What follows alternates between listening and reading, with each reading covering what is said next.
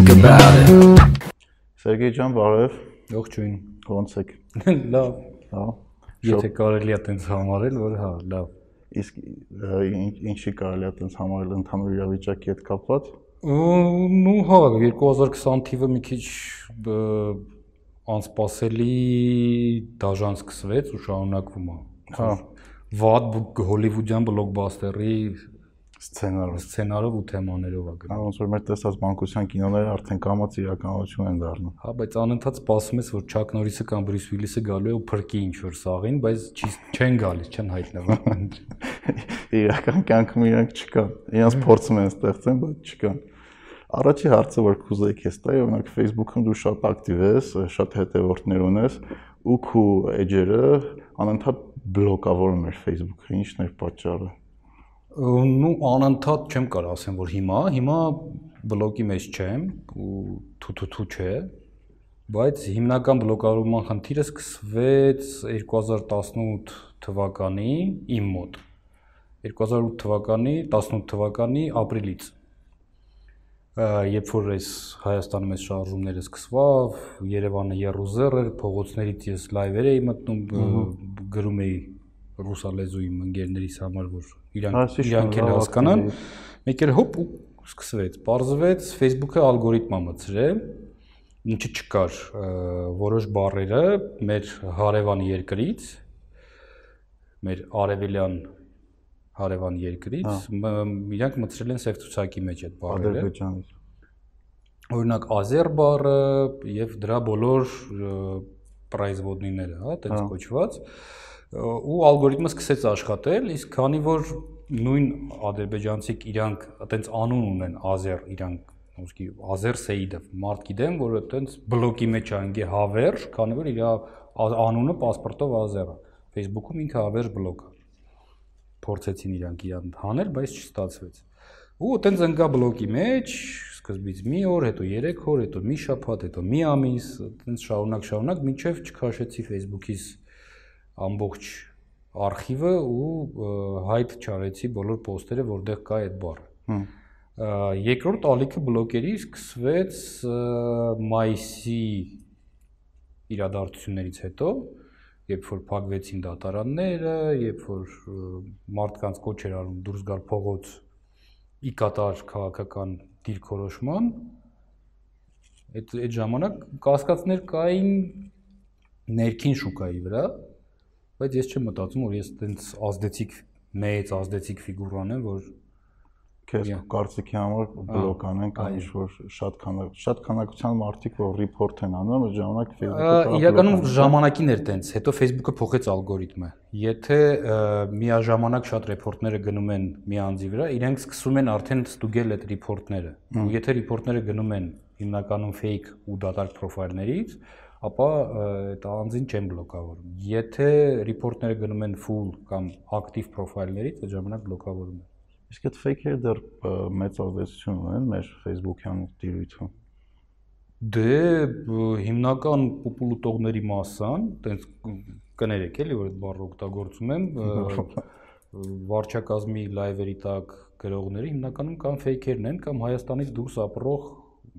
անձնավորություններ են։ Միֆեր են նույնիսկ պտտվում այդ ֆեյք ֆեյքերի ու ֆեյքերի բանակների մասին, ու տես տպավորություն ստեղծում, որ այդ հայկական մաչիզմը բերում է դրան, որ մեր քաղաքական գործիչները բոլոր կողմերից փորձում են իրար այդ ֆեյքերի բանակները կրվածնեն ու հասկանան ում, ումն ավելի ուժեղ, ումն ավելի երկար, հա, երևի։ Բայց իմաստը ո՞րն է դեռ։ չեմ հասկանում։ Արդյունավետությունը ցածր է, Հմ։ որովհետև նոր մի քիչ առաջ որ խոսում էինք ու վարչապետի լայվի տակ, որտեղ ինքը հայտարարում է, որ ինքն է հիվանդ, ամբողջ իր ընտանիքը, նույնիսկ անչափահաս երեխեքն են հիվանդ այդ դաժան կորոնավիրուսով, մտնում են ֆեյքեր կամ չգիտեմ օկտատերեր ու շնորհավորում են մարդուն առանց լսելու բովանդակությունը։ Այսինքն կա օրվա պլան, որ այսօր վարչապետի ծնունդն է, պետք է մտնեք, ամեն մեկը մի պրոֆայլից շնորհավորեք։ Հմ։ Մտնում են ու այդ լայվի տակ շնորհավորում են։ Հա, հասկանալի է։ Կամ մտնում են ու վատ բաներ են գրում, երբ որ ինչ որ լավ հայտարարություն անում կամ վարչապետը կամ ուրիշ քաղաքական գործիչ։ Հա։ Հա, իրական հետաքրքիր է այդ փաստը, որ երկու կողմերն է ակտիվ այդ օգտագործում են, բայց ինձ թվում է մարդիկ արդեն սկսել են հասկանալ արդեն ոնց որ իմունիտետ են ձեռք բերել, տեսնում են որն է fake, որն է իրական, էլի։ Թե տենց չի։ Չէ, տենց տենց չի։ Ցավոք սրտի տենց չի եւ մեդիագրագիտության հարց կա ստեղ շատ անհրաժեշտ է, որ մարդիկ հասկանան, որ ամեն մի այսինքն Պաոլո Կոելյոյի կամ Կոելո Պաուլի ցիտատը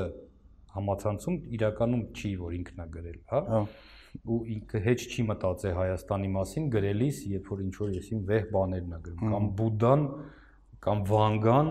չի նշանակում նույն լոսում նստած Վարսիկ Տոտան կարա իրական լինի կամ կարող է ինքը ուղակի օրբելու պուակի աշխատողն է ու իր 10-րդ պրոֆայլն է, որով ինքը մտնում է ու Էդման Մարուկյանի վիդեոյի տակ ու շունչներ է գրում։ Իսկ իսկ ինչի՞ց է կրթության ցածր ցենզից, հա որ մենք այդ տարբեր այդ վատ ինֆորմացիաները չստուգված, նու մենակ մեր մոտ չի ինձ թվում այդ խնդիրը սա աշխարհում կա չստուգված սխալ ինֆորմացիան ընկալում ենք որպես իրականություն։ Ոչ միայն կրթական ցենզից, այդտեղ ավելի շուտ կարանք խոսանք ազգային յուրատկությունների մասին։ Բայց ես այդ ազգային հետ չի կապի, որովհետև մեր մենակ մեր մոտ չի, օրինակ Ամերիկայում այս research են արել, բնակչության 30%-ը հավատում էր, որ բանը կորոնավիրուսը, չգիտեմ, 5G-ով են վարակվում կամ Bill Gates-ը եկել է որ իրանց վակցինացնի սպանի։ Մեր մոտ էլ են հավատում, որտեվ ուզում են վատին հավատան։ Մարդը ավելի շուտ հավատում է, ну այդ բան, վախի թեորիա կա, չէ՞, եթե դու վախում ես, դու դառնում ես կառավարելի։ Ոնց հեշտ կառավարել ամբողը, որտեվ երբ որ մարդը վախում ինքը արդեն դադարեցնում է լինել անձ, ինքը դառնում է ամբողջի մի մասնիկ։ Հա պանիկայի պանիկան ինչի մասին շատ խոսում են ամբողջ ամենահեշտ կառավարվող վիճակը վախն է երբ որ մենք վախում ենք կորոնավիրուսից մենք դառնում ենք կառավարելի մենք հրաժարվում ենք մեր ազատություններից մենք հրաժարվում ենք մեր անձնական ինֆորմացիայի գաղտնի գաղտնիությանից անձնական կյանքի գաղտնիությունից ամեն ինչից ու դառնում ենք կառավարելի ու հեշտ ուղերձվող որովհետև վախում ենք մեր կյանքի համար հիպոթետիկ վտանգի պարագայում, որովհետև 100% անօծապացուցված չի, որ ես եթե հիվանդանամ, ես կմահանամ, բայց ես վախում եմ, որ ես կհիվանդանամ, կվարակեմ ու կարող է ռիսկային խումբ, ծնող, չգիտեմ, տարիքով մարդ, քրոնիկ հիվանդ, կարող է մահանա։ Իսկ կարող է ոչ։ Հա բայց ասենք բայց հավանականություն կա որ կմահանա այդ պատճառով մարդիկ փորձում են իրենց ռիսկերը մինիմալացնել։ Այդ հավանականության մասին մարդկանց ասվել է։ Հա։ Այդ հավանականության մասին մարդկանց անընդհատ ասվում է ու եփվում է ու երրացվում է այդ ճաշը։ Բայց շատ անգամ այդ արվում է շատ բարձունակ ձևերով, ասինքն ինֆորմացիան մաքսիմում բարձացվում է։ Այո։ Մաքսիմում այնց generic են սարքում Այսինքն ինքը իրականում կա այդ ինֆորմացիան, մոտիկա իրականությանը, բայց ինքը շատ բարձրացված է։ Իսկ բարձրացված ինֆորմացիան կարծիքով ինքը վտանգավոր է, որովհետև շատ փոքր դետալներ դրա մեջ հաշվի չի առնվում։ Ու խոսքը մենակ կորոնայի մասին չէ։ Սպառողը չի պահանջում դետալացված։ Վերջի հետազոտությունները ցույց են տալիս այն փաստը, որ ընթերցող, հա, համացանցում ընթերցումը ընթերցում է մենակ վերնագրերը մարդը։ Եթե իրան վերնագիր ընթերցես, ինքը իջնում է lead։ Lead-ը այդ առաջի աբզացն է, որտեղ ըստ լրագրողական էթիկայի գրվում է հիմնական սեղմած բովանդակությունը նյութի։ Եթե հետաքրքրեց դետալները, ինքը իջնում է ներքև ներքև եւ այլն, մինչեւ նյութի վերջը, որտեղ տրված է անալիզը այդ ինֆորմացիայի, հա։ Ըստ վերջի հետազոտությունների մարդկանց քանակը, ովքեր կարդում են նյութերը ամբողջությամբ, այսինքն հասնում են անալիզների ու հասկանում են ճշտությունը կամ փորձում են դրանից քաղել ինչ որ իրանց համար անկարելի ինֆորմացիա, տոկոսը նվազելով իջնում է մինչև 5%, այսինքն ընդամենը 5% մարդկանց կարդում են նյութերը ամբողջությամբ։ Մեծամասնություն կարդում են։ Մեծամասնություն կարդում են վերնագիր ու նայում են նկարը ու քանի որ վերնագիրն է շատ անգամ դնում են քեչի, որ մարդը մի անգամից կլիկ անի ու վերնագիրը նյութի հետ շատ անգամ կապը այդքան է ուժեղ չի։ Քանի դեպք կա եղել, որ մարդիկ պանիկա պանիկային ալիքներ են բարձրացրել ուղակի վերնագրերի հիման վրա։ երբ որ իրանք ուղակի վերնագիր կարդալով պանիկայի մեջ են ընկել, տարածել են նյութը, իսկ իրանց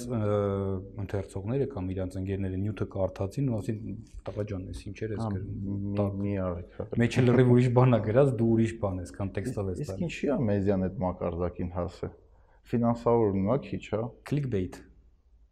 Այսինքն կլասիկ մեդիան արդեն ինքը ֆինանսավորման խնդիր ունի, չի կամ գովազդով բավարար գումար աշխատի կամ դրա համար ինքը փորձում այդ քլիքերով ավելի շատ viewer հավաքի, գովազդի վրա գումար աշխատի, հա։ Չեմ ուզում ամբողջը կապեմ Կարոնայի հետ, հա, այս վերջի մի կես տարի։ Ընդհանրապես տարվա, երևի վերջի 10 տարին այդ տրանսֆորմացիան սկսել է։ Դու ավելի մանրամասը կասես էլի։ Այդ տրանսֆորմացիան սկսել է ոչ թե վերջի 10 տարին, այլ ինքը սկսվել է դաժե ոչ թե ինտերնետից, այլ Facebook-ի ի հայտ գալուց հետո։ Երբ որ բոլոր ազդեցիկ outlet-ները, մեդիա խաղացողները իրանց զգացին պարտավորված ունենալ Facebook-ում page։ Ոչ թե իրանց անձնական կայքը, որտեղ իրանք ունեն բաժանորդագրվել եւ այլն եւ այլն, այլ Facebook-յան page-ը։ Այսինքն իրանք տվեցին իրանց ազատությունը եւ իրանց սփռման հնարավորությունը մի ուրիշ պլատֆորմին, որը կառավարում է ըստ իր ուզածի բիզնեսի։ Սկսվեց դրանից երբ որ սկսվեցին հայտնվել է թամբը, հա, այդ like like կոչվածը, ու մարդիկ սկսեցին գնահատել ինքն իրանց լայքերի քանակով։ Հետո ի հայտ եկավ Instagram-ը, որտեղ էլի բոլոր լրատվականները ունեցան իրանց տես կոչված վիզուալ page-եր, հա ու սրտիկ եւ այլն եւ այլն սրտիկը ու լայքը փչացրեց մեդիայի որակը ես կարամ տենց ասեմ քանի որ սրտիկը ու լայքը ազդեց գովազդատուի վրա իսկ իսկ հնարավոր է որ այդ պատճառներից մեկը նա լինի որ այսինքն այդ կլասիկ կայացած մեդիա աուտլետներից բացի ինտերնետի պատճառով ու հետևանքով հայտնվեցին լիքը լիքը նոր աուտլետներ, շատ ցածրորակ կամ մոնոպոլատիվ ու արդեն կլասիկ մեծ աուտլետները չեն կարողանում իրancs հետ ոդկցեն տրաֆիկի առումով, էլի իրականում իրանք ցածրորակ կամ բարձրորակ ես չեմ ուզում գնահատական տամ, քանի որ Չէ, բայց դե բան օրինակ չգիտեմ, New York Times-ը Good Info-ի հետ չես համեմատել, էլի։ Ինչու ոչ։ քանի որ մեկը ագրեգատոր է ու ինչ չստուգված ինֆորմացիա է տալիս։ Հա։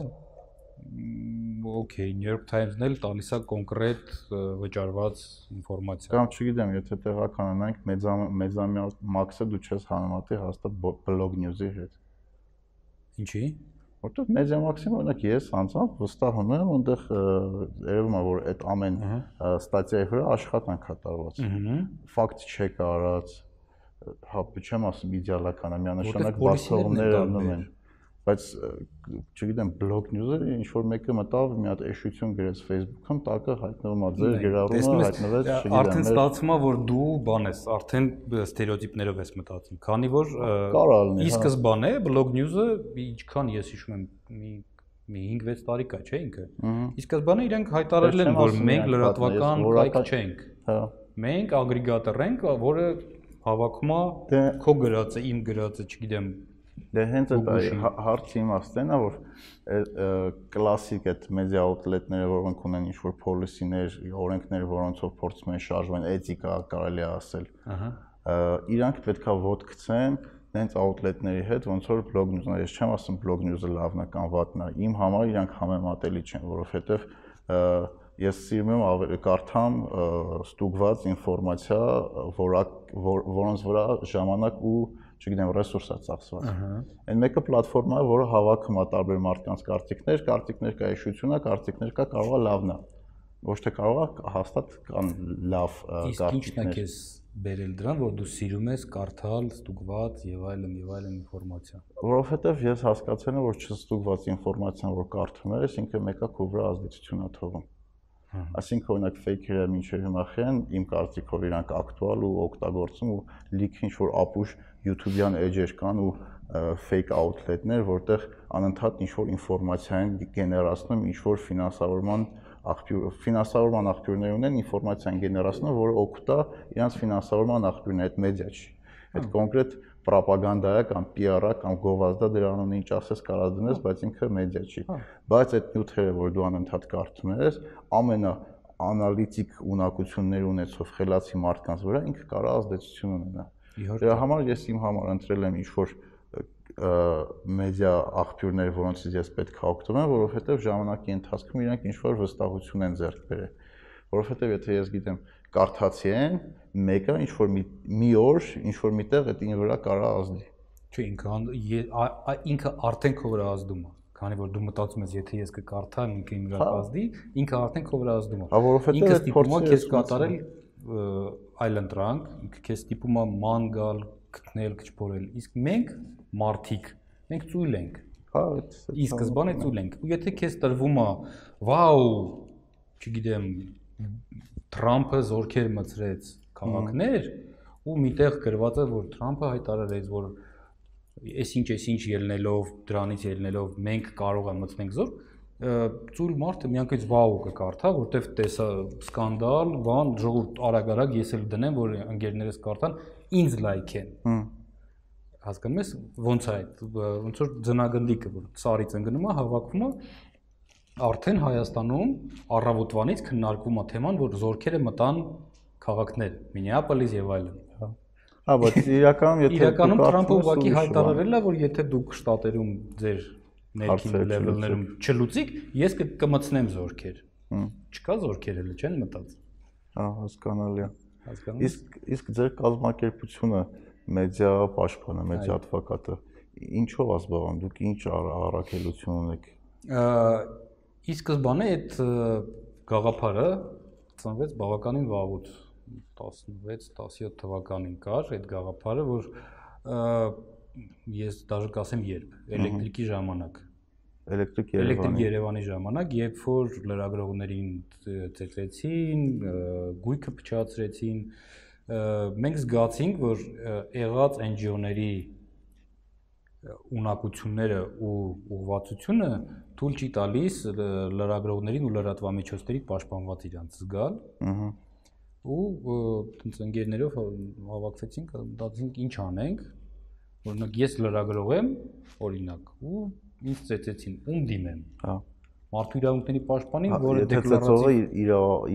իրավապահ մարմիններն են։ Ով էլ լինի, փողոցում կամ մութ մուտքում շքամուտքում բռնեցին ու հերախոսս, որով ես նկարում եմ նյութ գողացա։ Հա, դիմեցի ոստիկանություն, ոստիկանությունը քողարկեց ու ոչ մի բան չարեց։ Ում ելում, ում ով կլինի իմ ռուպերը, հա, բարձրաձայնով։ Մենք ունենք երև տարբեր մամուլի ակումբներ, լրագրողների միություն, բան, որոնք ավելի շուտ դեկլարատիվ աշխատանքներ են տանում ու այտենց 2018-ի հունվար փետրվարոտ արդեն սկսեցինք աշխատել։ Ահա այդ ուղությամբ հասկանալով ինչ մեթոդաբանությունով եւ ոնց եւ ինչ հասկացանք որ մեր շահած գրանտը ամերիկայի ամերիկայից շահած գրանտ չի հերիքելու պայել մեծ շտատ մենք որոշեցինք աշխատել որակյալ հա։ այլ ոչ թե ծավալային որոշեցինք որ մենք չենք պայելու մեր անձնական իրավաբանը, այլ տալու ենք outsource, դիմելու ենք, եթե մեզ խնդրեն օգնեն իրավաբանական օգնություն, դիմելու ենք outsource, ինչ ավելի արդյունավետ է բիզնես մոդել այսինքն։ Հա։ Ես քանի որ ես բիզնեսի ոլորտից եմ եկել այդ ոլորտ, ես մի քիչ ավելի փորձեցի կառուցել այդ ուղղության վրա մենք մշակեցինք մոնիտորինգի մեթոդաբանությունը հիմնվելով առաջատար տեխնոլոգիաների վրա Harvard Harvard-ի մոդելը, Massachusetts-ի math անալիզի կուրսի վրա եւ օգտագործելով մեդիա մոնիտորինգի դասընթացները, որոնք տալիս են եվրոպական եւ մարդու իրավունքների այդ OSCE բաները, ստրուկտուրաները։ Ընտրել ենք մի քանի հատ պլատֆորմ, վճարովի paid license-ով, որոնք օգնում են մեզ ագրեգացնել նյութերը, որոնք նվիրված են Հայաստանին։ Ահա ըստ մեր զապրոսների արդեն մենք մոնիտորինգ ենք անում ամսեկան կտրվածքով 31-ից մինչև 35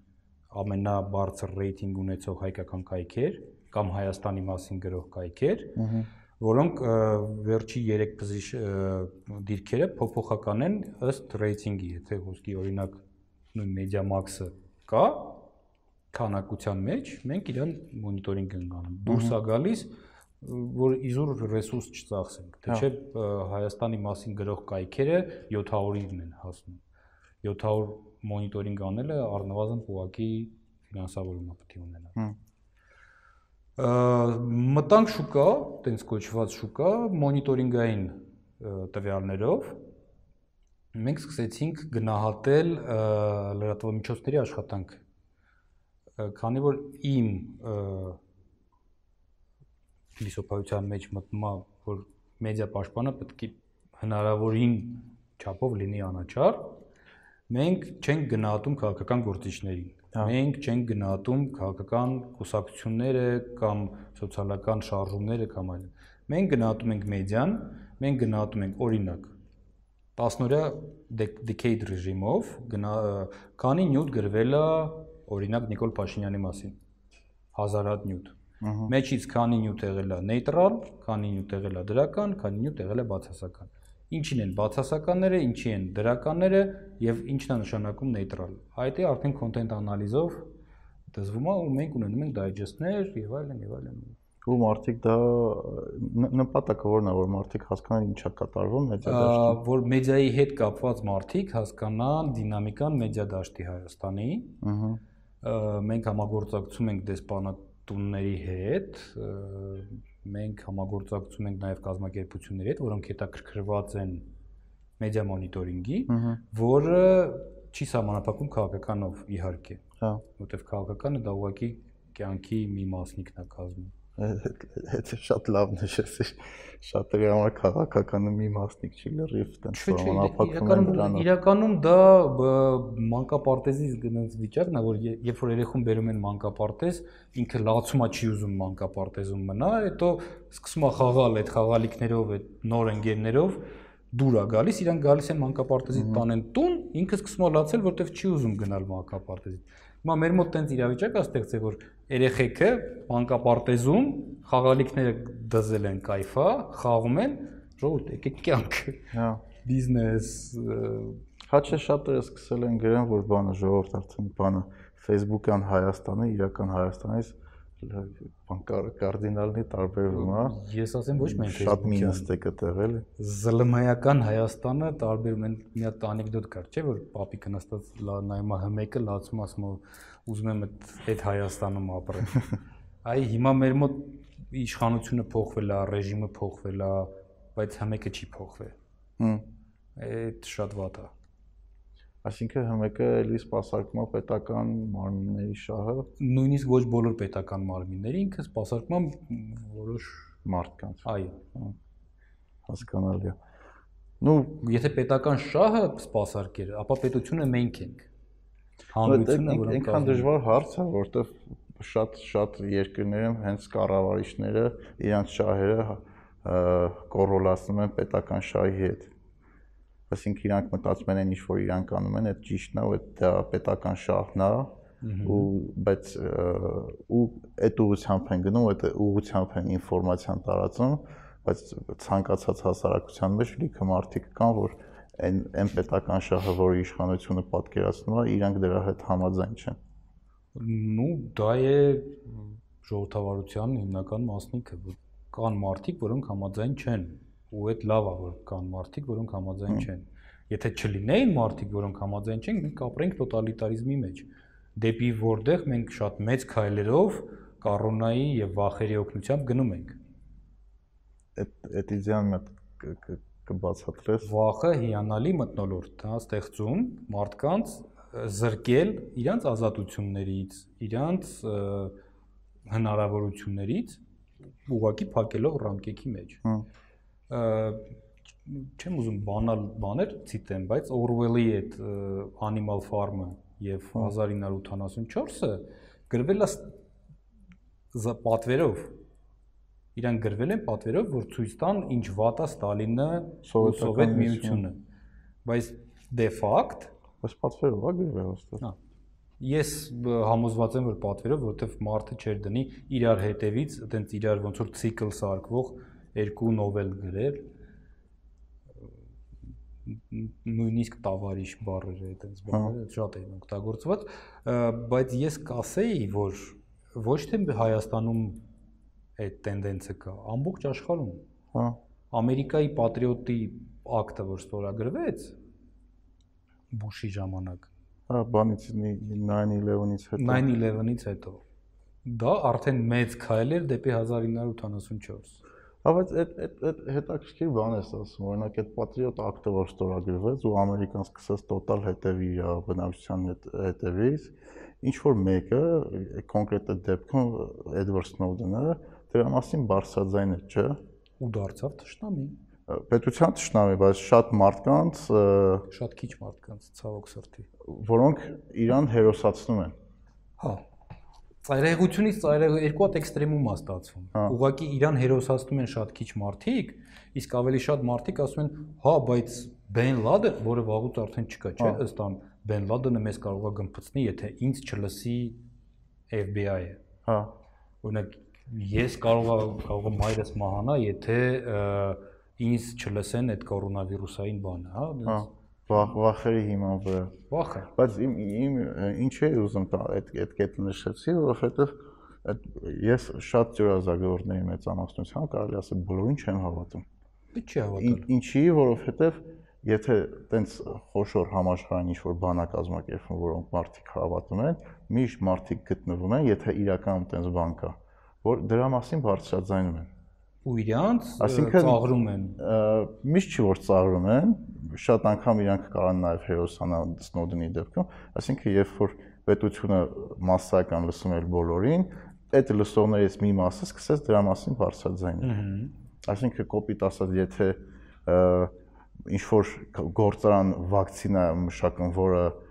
ծնելությունը գցելու է սաղ աշխարհում, այդ պրոյեկտի վրա աշխատում են տասնյակ հազարավոր մարդիկ, չէ՞։ Ոնց է հնարավոր այդ տասնյակ հազարավոր մարդկանցից ինչ որ մեկը դրա մասին չբարձրաձայնի։ չեմ ուզում մտնել այտենց թեորիա զագվռների դաշտ էլի։ Վակցինացիան են կոմ դնենք, ցանկացած հարց, որ ասում են, չգիտեմ, համաշխարհային գլոբալ կառավարում կա կամ լյուբոյ այդպես բաներ, որ մարդիկ 5G-ին բանա կորոնավիրուս է ծարածում։ Լիքը այդպես թեմաներ կան, որոնք այնքան բարդ է կազմակերպել իրականում ցանկացած, չգիտեմ, բայց դրա մասին բարդ չի խոսալ։ Դրա մասին շատ པարզ է խոսալ ու դրանցով շատ հեշտ է մարդկանց վախացնել։ Երևի դու էլ տեսած կլնես այն արտիկլը, որ Հայաստանում կար մեդիա outlet, որը ֆինանսավորվում էր Ամերիկայից, որ իրանք տարածեն ոչ հավաստի ինֆորմացիա կորոնավիրուսի մասին։ Ну, սկսենք դրանից, որ ես ճանաչում եմ Համեդ մեդիա outlet-ի ղեկավարին։ Մեծ մեդիա ոնց որ։ Ահա, Համ outlet-ի ղեկավարին եմ ճանաչում, համ այդ պատմությանը մի քիչ ավելի մոտիկից եմ ծանոթ։ Ամերիկան չէր վճարում, որ տարածվի այդ ինֆորմացիան։ Պարզ ոնց է պատմությունը։ պատմությունը տենց է, որ այդ կազմակերպությունը շահել է գրանտ, որ ունենա Media Outlet։ Այսինքն էլի པարզացրել են մեդիան, մենք է կերել ենք այդ։ Այո։ Ամերիկայի ղեկավարությանը, հա, կառավարությանը հեչ պետք չի, որ Հայաստանում մարդիկ լինեն խոտակեր։ Հմ։ Եթե Հայաստանում մարդը ուզում է լինել խոտակեր, իրան ոչ մեկ, ոչ Նիկոլը, ոչ Աստվածը, ոչ ոչ Բուշը չի պայի, ինքը կլինի խոտակեր։ Կներեք էլի, որ տենց բառեր եմ ասում, բայց Մե- Մենք ազատ զրուցում Հա։ ենք ամեն ինչի մասին, օքեյ։ հիմա Ամերիկայի կառավարությունը գումար է տվել գրանտային ծրագիր։ Ահա։ Ոնց է այնտեղ պայմանագրերը եւ ոնց է գրանտի այդ նկարագրությունը, ես չգիտեմ, քանի որ չեմ կարդացել ու վստահ չեմ կարող ասել։ Այնտեղ արդեն խնդիրը գնում է իր գրանտատու եւ գրանտակերի մեջ, հա։ Ինչի համար էր տրվել գրանտը, ոնց է օգտագործվել եւ արդյունավետությունը։ Բայց Ամերիկայի կառավարությունը թքած ունի դրա այն տարածման հնարավորին պանիկա եւ այլն եւ այլն։ Քանի որ Ամերիկայի կառ նույնը քո ասած վակցինացիա 5G Bill Gates, հա, որ դուց ծնվեց այդ միֆը։ Ինչ որ մեկը դա ֆինանսավորում է, որովհետև չի կարա չֆինանսավորվի։ Այդ ծավալի ինֆորմացիա լծվի սաղ աշխարհում ու այդքան դրա մասին խոսացվի ու Այ, այդքան մարդ դու- դերակերաված եղնի, դա չի անհնար է ես չլինի։ ինքդ դառնում ես այդ թեորիա զագվռի զոհ։ Չէ, Ինչ որ մեկը ֆինանս ոչ մեկ չի ֆինանսավորում։ Բայց ոնց կարա տենց Bill ինֆորմացիա Gates-ը ունի հիմնադրամ, ունի, հա, Այդ հիմնադրամը- Melinda Gates հիմնադրամը։ որը ինքը հիմնել է ինչի համար, որ երրորդ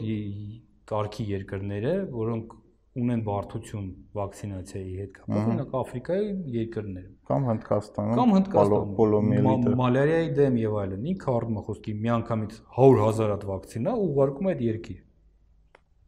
Ֆիքսեցիք այդ փաստը կա։ Համաձայնվեցիք, Ահա։ հա։ Հիմա ինչ որ մեկը լսել է որ 5G համացանցն է դառնում, հա, ցանցը ստեղծվում եւ այլն։ Կապել է դա Bill Gates-ի հետ, ինչ որ Արիզոնայում փնթի կարմիր քթով redneck ջաջա։ Հա, Կապել է Bill Gates-ի հետ հիմնադրամ վակցինա 5G։ հա։ Ժողովուրդ մեզ ուզում են վակցինացնեն ու չիպավորեն։ Չիպավորման մասին առաջի հայտարարությունը արել է ոչ թե Bill Gates-ը, այլ Elon Musk-ը, Դե ինքը մի կամպանիա ունի, որ հենց դրանով է որը զբաղվում, է հենց չիպավորում։ կոպիտ ասած, Gates-ը, ստանալը։ որտեղ ինքը աշխարհի ամենահարուստների մարդկանցից մեկն է։ Իսկ ինչի է ինքը հարուստ ու փողերը տալիս է դուրս։ Ուրեմն սրա մեջ ինչ որ բան կա. Մարդու ճուզողությունը ու վատ փնտրելու ցանկությունն է։ Իսկ այդ ալիքը, որը բարձրացավ Ամերիկայում ու շատ փոքր փակ ֆորումներում էր քննարկում սկզբից, Հա։ այն անտիվակցինացիայի ֆորումներում եւ այլն։ Այդ ալիքը բռնեց որ մի բևեռը ռուսական բևեռը ռուսները։ որոնց ձեռ էր տալիս այդ ամբողջ ալիքը գնա դեպի որտեղ դեպի Դե տես ինչ որ մի կետից ինքը ես լրիվ համաձայն եմ, որ ինչ որ մեկը կարող է մի հատ ապուշություն հնարի, լիքը մարդիկ այդ ապուշության մասին խոսան, բայց ինչ որ մեկիդ ինչ որ մեկը բռնում է սկսում է դրանից օգտվել։ դրա համար պետք չի շատ գումար Կարող է պետք չլինի, բայց կարող է նաև պետք է։ չէ եթե դու ուզում ես 0-ից ստեղծես այդ Զերոյից եթե ստեղծել ես, դա շատ ռեսուրսներ է պահանջում, որպես կրեատիվություն հա, առնվազն ու դու պետք է իմանաս ու հասկանաս այն ամբողը, որի վրա դու պետք է աշխատես ու սարքես ավելի խելագարված ամբող, ինչա ուզում, ինչից է վախում։ Հայերը ինչից են վախում։ Դե բանը կան շատերը վախում են կոնտրոլի կորցնելուց, բայց կոնտրոլի կորցնելուց վախելու վախերի պատճառով իրանք իրականում կարան իրանց կոնտրոլը կորցնեն։ Հայերը երբեք ինչի է հեշտ հա, մենք ամենահեշտ ասիմիլյացվող ազգերից մեկն ենք։ Բան էլի ոչ թե ասիմիլյացիա, այլ բնակվող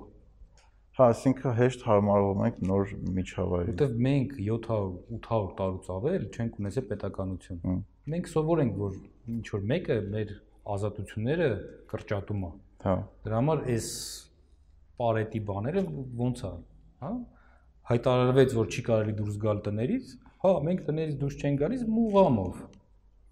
Հետևի մուտքով Դուրս են գալ էլի։ դուրս են գալիս, բայց բռ- բռնվանք, վայ, բռնվանք, վայ, Չէ, կներեկել դե- չեմ անում։ Հա, հա, կա տես բան այդ մասով համաձայն եմ, որովհետև այդ այն ամենախիստ ժամանակը, որ պետքա տներից դուրս չգայինք, խանութների մեծամասնությունը փագեր, Դավթաշենը մի հատ շինարական խանութ է, գրածա փագա, ասես մեծ սլակա դրած։ Ասել ասես այդ սլակով գնա։ Այդ սլակով դու գնում ես, ինքը ցույց է տալի հետևի մուտքը, որտեղից խանութը բացա ու տակից առևտուր են անում։ Ու մարդիկ գնում էին։ մարդիկ գնում ու մ, խնդիրը ինչն էր նույն խանութի նման կա մեծ ցանց որի անունը հիմա չեմ ուզում տամ որ խնդիրներ իրancs համար չստեղծեն հա տանս խողովակն է փչացել ջրի կանչել եմ սանտեխնիկ որ եկել է դիմակով ձեռնոցներով ախտահանված լրիվ օրինական բանով հա թղթերով ապացուցվող եւ այլն մտել է տուն տեսել է որ խողովակն է փչացել ասեց դեմ չեք որ առանց ՀԴՄ խողովակ գնեմ ձեզ համար ասացի հա բայց ուզում եմ հասկանամ ինչն է խնդիրը ինքից պատմեց որ ինքը գնում է այդ ցանց տուկ-տուկը անում իրան հետևի դռնից բերում են այդ խողովակն են տալիս բայց առանց ՀԴՄ քանի որ եթե ՀԴՄ խփեն կնշանակի որ աշխատում են կնշանակի որ պետքա տուգանվեն Այդ շատ բիզնեսներ են դենց աշխատում։ եւ ոնց դու կարաս պահանջես որ Սևսկի սուրը, որը խեղճ Սևսկի սուր են անվանում խեղճ կնգան, իր երեխու հարսանիքին չգնար կամ նշանդրեքին չգնար, երբ որ քո պետության բոլոր բարձրաստիճան այրերը գնացին ինագուրացիայի ու առանց դիմակների եւ այդ ուտում խմում էին։ Այդ նկարը շատ տարածված։ 10 օր հետո հա պարզվում է, որ քո առաջի երկրի առաջի դեմքը ամբողջ ընտանիքով հիվանդ է։ Հմ, Ըստ իր հայտարարության։ Պարզա։ Արց- Արցախի մասին ասացի, գիտեմ որ բան ես, դու շատ անընդհատ գնում ես Արցախ, բարեգործությամբ ես զբաղվում, ստեղ տարբեր կազմակերպությունների հետ համագործակցում եք ու անընդհատ այնտեղ կարիքավորներին օգնում եք։ Ну, արդեն անընդհատ չէ, քանի որ այս Նու, 3-4 հա, ամիսա չի ստացվում, բայց որոշ ժամանակ առաջ մարդիկ ինձ հարցնում են, որ արդյոք դու Ղարաբաղցի ես։ Հա։ Չէ, արմատներ չունեմ։ Ես այդքանով եմ Արցախի հետ կապված, ինչքանով այնտեղ հայրս արունաթափել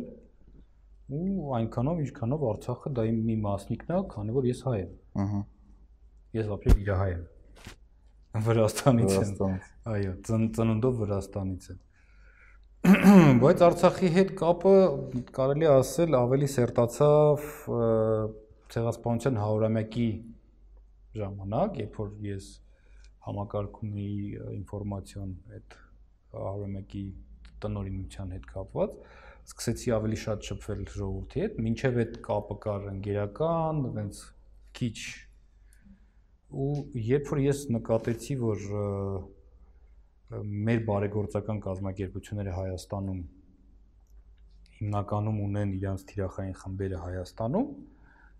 իսկ Արցախում որպես այդպիսի բարեգործական կազմակերպությունների աշխատանքը չի համակարգվում ու չկա։ Ու հետո սկսվեց ապրիլյան այդ սրացումը,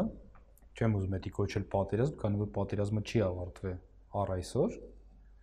Այդ սրացման օրերին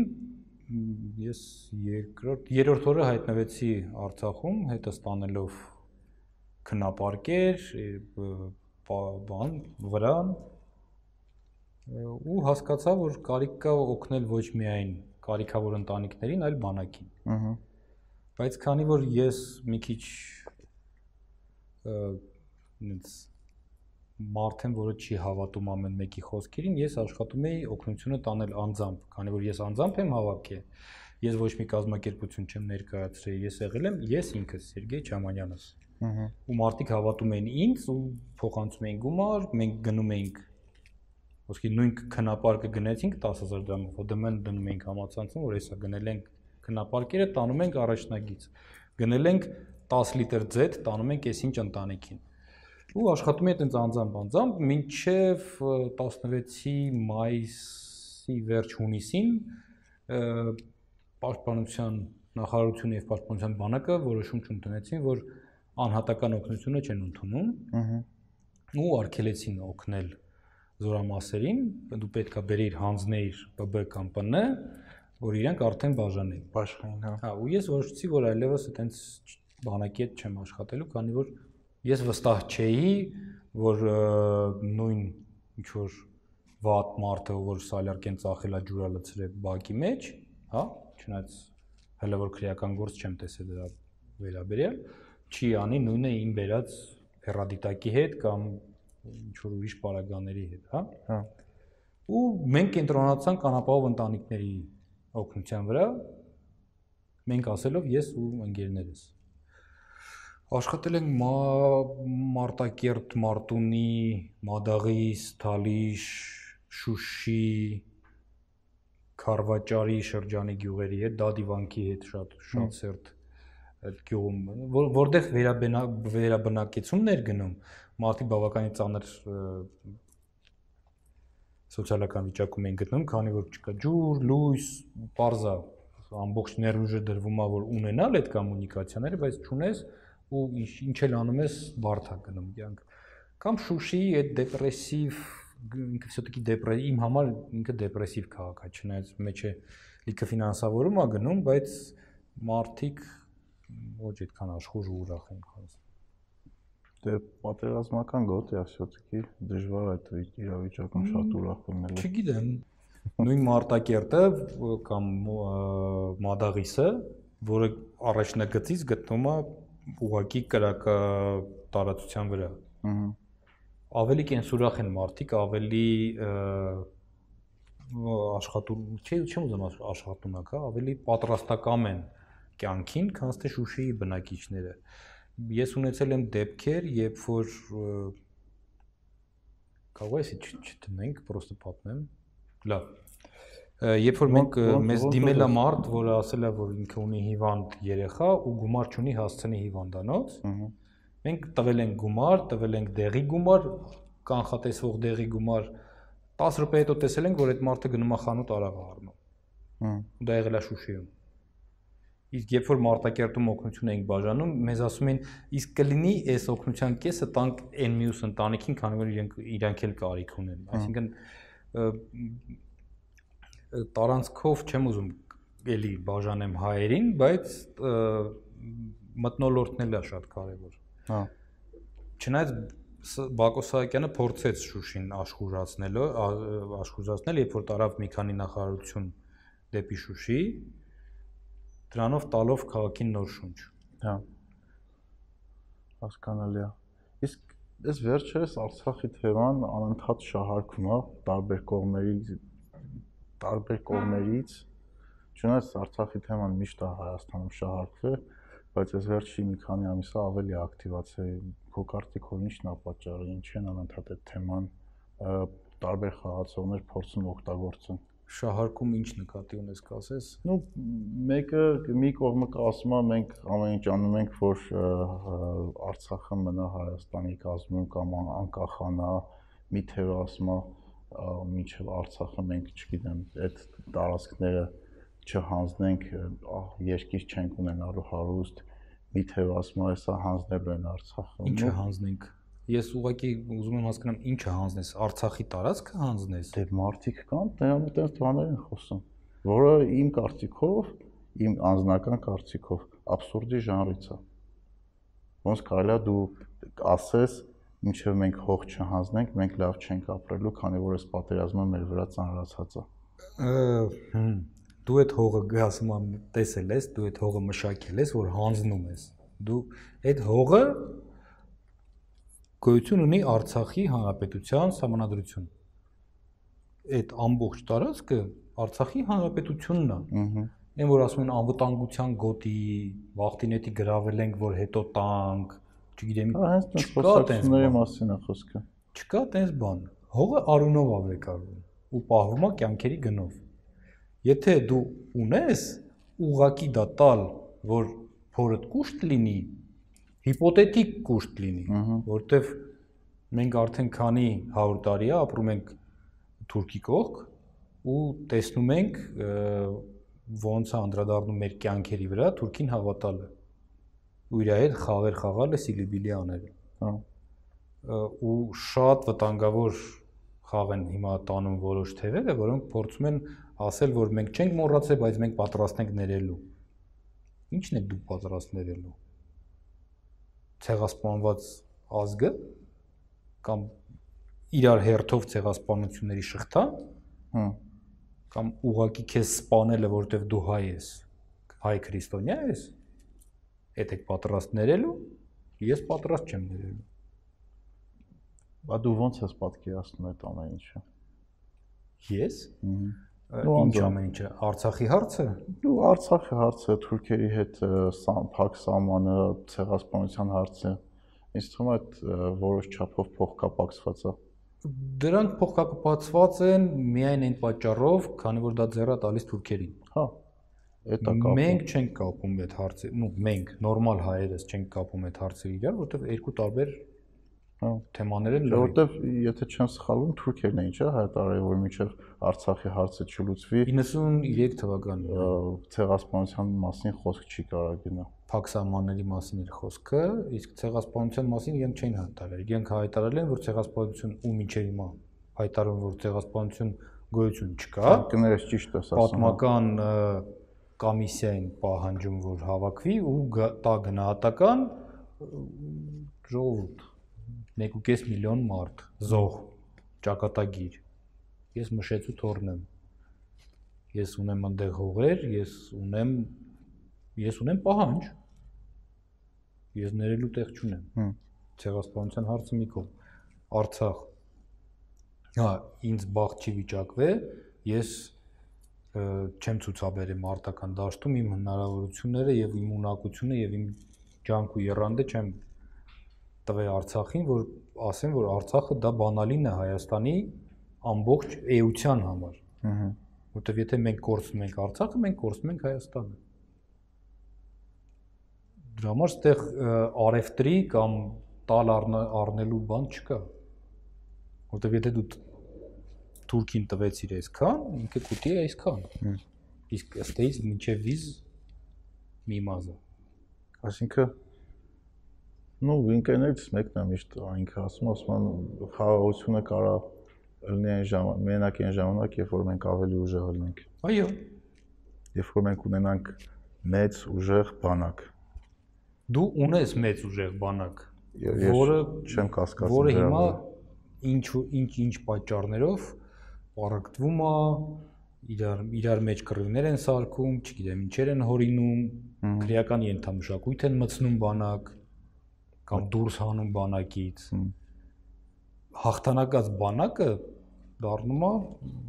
պոլիշոր։ Ու դա չի կարելի թողնել ոչ մի դեպքում։ Բանակը դա բիզնես չի։ Բանակը դա միակ կայացած ինստիտուտն է իմ իմ պատկերացումով, որը 30 տարվա մեջ ապացուցեց, որ ինքը կա, գոյություն ունի, արդյունավետ է ու իր դրած արժև դրած խնդիրները լուծում է։ Շատ արագ, շատ որակյալ։ Չէ, իրականում բանակի թեմայով միշտ անընդհատ ինչ որ բաներ շահարկվի զինվորները սոված են SNN-ն սենսիտիվ է զգայուն զգայուն զգայունա քանի որ ամեն մեկս այս կամ այն կերպ բանակի հետ կապ ունենք։ Իհարկե, եթե սկոլիոզ չունենք ու բանակից չենք թռնում։ Մենք ունենք նախարարներ, որ իրանց թույլ են տալիս իրանց տղամարդկությունը թափ տալ ու ասել, որ օ, բայց բանակից փախածած կալիոզով։ Հմ գնաց թղթերով, էլի։ Այսինքն թղթերը պատձել կային արը, ոնց ոնց էր հայերեն պատձել կան ասեցի ես էլ մոռացա այդ բառը թղթե գումարով գումարով գնել են բանակից ազատվելու իրավունքը հա վատ ռեժիմից թուղթ են գնել որ ինքը Իվան Դասկոլեզով որ բանակ չգնաց առա իսկ հիմա լավ ռեժիմի ժամանակ նախարար են աշխատում բայց այդ ապացուցված փաստերը թե խոսակցությունների մակարդակով դատական համակարգի հետ կամ քնչական համակարգի հետ ցավոք սրտի կապ չունեմ հնարավորություն չունեմ դա ապացուցել հա հասկանալի է Չէ, ինչ էի ուզում ասել, որ բանը 2010-ից 12-ին ես ծառայա ու ծառայել եմ Խարվաճարում ու այն շահարկումները, որ միշտ արվել է, որ բանակում զինվորը սոված է, ես այդ այդ առումով բան եմ արել, միշտ մարդկանց հետ այն ովքեր չեն ծառայ կամ դրանից պատկերացում չունեն, փորձել եմ ասեմ, տենց չէ ժողովուրդ մենք ծառայել ենք 2010-ից 12 այն ժամանակ արդեն ուտելիքի խնդիր չկար ինչ մնաց 18 19 կամ 20 թվականին այսօր էլ կա այդ խոսակցությունները ես ծառայել եմ 96 թվականին երբ որ այդ ժամանակ ուտելիքի խնդիր կար որտեվ Հայաստանում ուտելիքի խնդիր կար հա բայց խնդիրը ոչ թե որտեվ բանակում գողանում էին այլ որտեվ բանակին քիչ էր հասնում հա։ եւ որտեվ ճանապարհները փակ էին որտեվ երբ որ ձմեռը ձունը գալիս էր Պերևալներում, ավտոն չէր կարող անցնել։ Հա, բարձա։ Դե միանշանակ խնդիրներ կա բանակում, ու ամենտեղ կա, ու այդ խնդիրները պետքա գտնել լուծել։ Բիզնեսում կան խնդիրներ, կառավարման մեջ կան խնդիրներ։ Այդ ամբողջը ուղղակի պահանջում է, որ մեր պետ մեր ժողովուրդը, մեր հանրությունը հասկանա, որ արդյունավետ մենեջմենթի խնդիր կա։ Հա։ Երբ որ դու ունես կրիզիսային իրավիճակ, դու պետք է ունենաս կրիզիս մենեջեր, որը կարողանա քեզ տա հնարավորին ուղիները դուրս գալու այդ կրիզիսից, որ դու կարողանաս ընտրես մինիմալ ռիսկերով, մաքսիմալ ռիսկերով կամ ընդհանրապես առանց ռիսկերի։ Հորզա, իսկ ոլորտից մի քիչ ավելի շատ ավելի շատ հասկացող մարդ քան ես ոնց ես պատկերացնում արդյոք հնարավոր է Հայաստանում ունենալ պրոֆեսիոնալ բանակ, որ պարտադիր զորակոչ չլինի։ Հնարավոր է բայց շատ մեծ ֆինանսական ռեսուրսներ չէ պահանջում։ Ահռելի մեծ։ Որը հիմա պետությունը իրեն չի կարա թույլ տա։ Ну, սկսենք դրանից, որ մենք միլիտարիզացիա ինդեքսով արդեն տասնյակի մեջ ենք։ Հմ գոյություն ունի այդպես միլիտարիզմ ինդեքս, որը ցույց է տալիս քանի տոկոս բնակչության եւ բյուջեի քանի տոկոսը տրվում է բանակին։ Մենք տասնյակի մեջ ենք ֆինանսավորման տոկոսով։ ինչը յանիմ ժողովրդավարական երկրներում համարվում է վատ։ Հմ։ Քանի որ դու կարող ես միլիտարիզ։ Բայց այդ ինդեքսը չի հաշվարկում այն փաստը, որ դու գտնվում ես պատերազմի մեջ։ 1 դու շրջապատված ես թշնամիներով, այլ ոչ թե հարևաններով, երկուս, եւ դու ուղակի ստիպված ես դա անել։ Միջին աշխատավարձը բանակում կոնտրակտի մասով եմ ասում, հա, 200.000-ից է սկսում։ Հիմա արդյոք դու պատրաստ ես տալ եւս 20% ավել հարկ, որ ունենաս կոնտրակտի բանակ։ Հա։ Եվ արդյոք բնակչությանդ 65% կամ 70%-ը պատրաստ է այդ անելու։ Ու պլյուս շատ-շատ ավելի շատ քանակության մարդիկ գնան ծառայեն։ Չէ, Չէ, ոչ թե ինքնա ինքնակամ գնան, գնան դառնան Եթե դու դա սարքես attractive գրավիչ, Գրավիչ։ այսինքն աշխատավարձ տաս։ Հիմա ոստիկանություն ինչի համար էին գնում ժամանակին, չէ՞։ Որ կարանային գումար աշխատեին։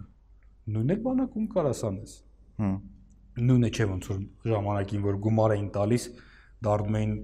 ճվոյի աշխատող, որ հետո այդ գումարը հետ վերցնեին ու ավել փող աշխատեին։ Դու կարաս սարքես, որ մարդը կարիերան ստեղծի բանակում, հմ որ իր համար այդ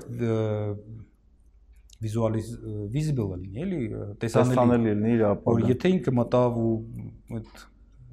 մի մոմենտ պամոմ Վիգեներ Սարգսյան փորձել էր, չէ, այտենց պատիվ ունեմ եւ ես իմ ինչ որ ծրագրեր էին մտցրել, որ երիտասարդը հա, շատ լավ է եթե կա։ Եթե մարդը գալիս է ու հասկանում է, որ ինքը կարա սկսի շարքայինից ու աճելով համ գումարը կաճի, համ ինքը social գարանտիաներ կունենա, համ ինքը տուն կունենա վերջի վերջով ու կարողանա պայի ընտանիքը, հայի համար դա կարևոր։ Եվ այդ կարևոր լինելը հեշտ կառավարում է նաև մեզ հայերիս։ Մենք ներքին ԴՆԹ-ի բանի վրա արդեն չենք վախենում կորցնել պետական ապարատ եւ այլն, բայց վախենում ենք կորցնել ընտանիք, տուն, տեղ, ու այդ գալիս է այն պատճառով, որ մենք հարյուրամյակներով չենք ունեցել պետություն, հա։ Դրա համար է հիմա մեր համար այդքան դժվար դիսկուսիանել այդ թեման, քանի թեման։ որ դրան նաև գումարվել է այն պերիոդը 80 տարվա, երբ որ մեր համար պետությունը ոչ միայն ճշնամի էր, այլ նաև կթելու առարկա։ Հարկեր հավաքող։ Չէ, մենք էինք կթում։ Հայաստանը Հա, սովետական Այո, միության մասին սովետական պետության մասին էր խոսքը, երբ որ հայերի մեջ կար ասացված, որ պետությունից գողանալը դա գողանալ չի։ Հմ։ Երբ որ մարդիկ հարյուրներով գնում էին ինչ որ բաներում էին նստում, նիներում էին նստում, կոֆե խմում, աշխատավարձ ստանում, ձեռը հետ էլ ինչ որ թուղթ էին գողանում, գրիչ էին գողանում, տանում էին կամ հաստոցաշինության ինչ որ մեծ բանում երկաթ էին տանում տուն։ Հա, այդ այդ այդ մինչև հիմա մնացել է մարդկանց։ Մինչև հիմա մեր մոտ մեզ մոտ պետությունը почему-то մերը չի։ Ինչ որ մարդիկ սկսում չեն մտածում, որ որ ես եմ այդ հարկը վճարում, ես եմ այդ զինվորին կերակրում, այդ ոստիկանի աշխատավարձը ես եմ տալիս, հետո այդ վարչապետի երեխեքի շորերի փողը ես եմ տալիս։ Դու ես տալիս։ Որտեվ ինքը ստանում է աշխատավարձ, որով գնում է շոր, որով հագնում է իր երեխեքին։ Հա։ Ուստի պետությունը դա ես եմ, դա դու ես։ Իսկ ոնց կարելի է քո կարծիքով այդ այդ իդեաները մտցնել հասարակության մեջ, որ դու պահանջատեր ելնես քո տված հարկերի համար։ Ուրիշ ձև չկա։ Կա ուղակի կրթելով, ինֆորմացնելով, ուրիշ ուրիշ հնարավորություն չկա։ Բայց դե բան կա, կոնֆլիկտ կա։ Այսինքն կա- կառավարող մարմինին պետք չի, որ իրանից մարդիկ կլինեն պահանջատեր, որտեղ իր աշխատանքը դա դժվարացնում է։ Հա։ Եթե փորձենք լոգիկայով որ պետք է հեշտ լինի աշխատանքը։ Բայց եթե ինքը մտածում է, որ դա իր աշխատանքը դժվարացնելու է, ինչի պետք է ինքը ինքնակամ նենց քայլեր ձեռնարկի, որը ավելի կդժվարացնի իր աշխատանքը։ Որովհետև ինքը հավերժ չպետք է ընդեղ լինի։ Դե Ну դե ստացվում է որ մենք պայքարում ենք որ ժողովրդավարական երկիր ունենանք, որ ունենանք հնարավորություն փոխել վատ կառավարման համակարգերը կամ վատ կառավարող մարդկանց, բայց դուք ջը ասում ենք, բայց Աստված բեթարից պահպանի, չէ՞։ Հա, բայց այդ համակարգերը կարելի ասել մենք ունենք, չէ՞, մեր մոտ ընտրությունները տեղի ունենում, մարդիկ իրանք կարծիքները արտահայտում են, կկարողանան ընտրությունների միջոցով իրանք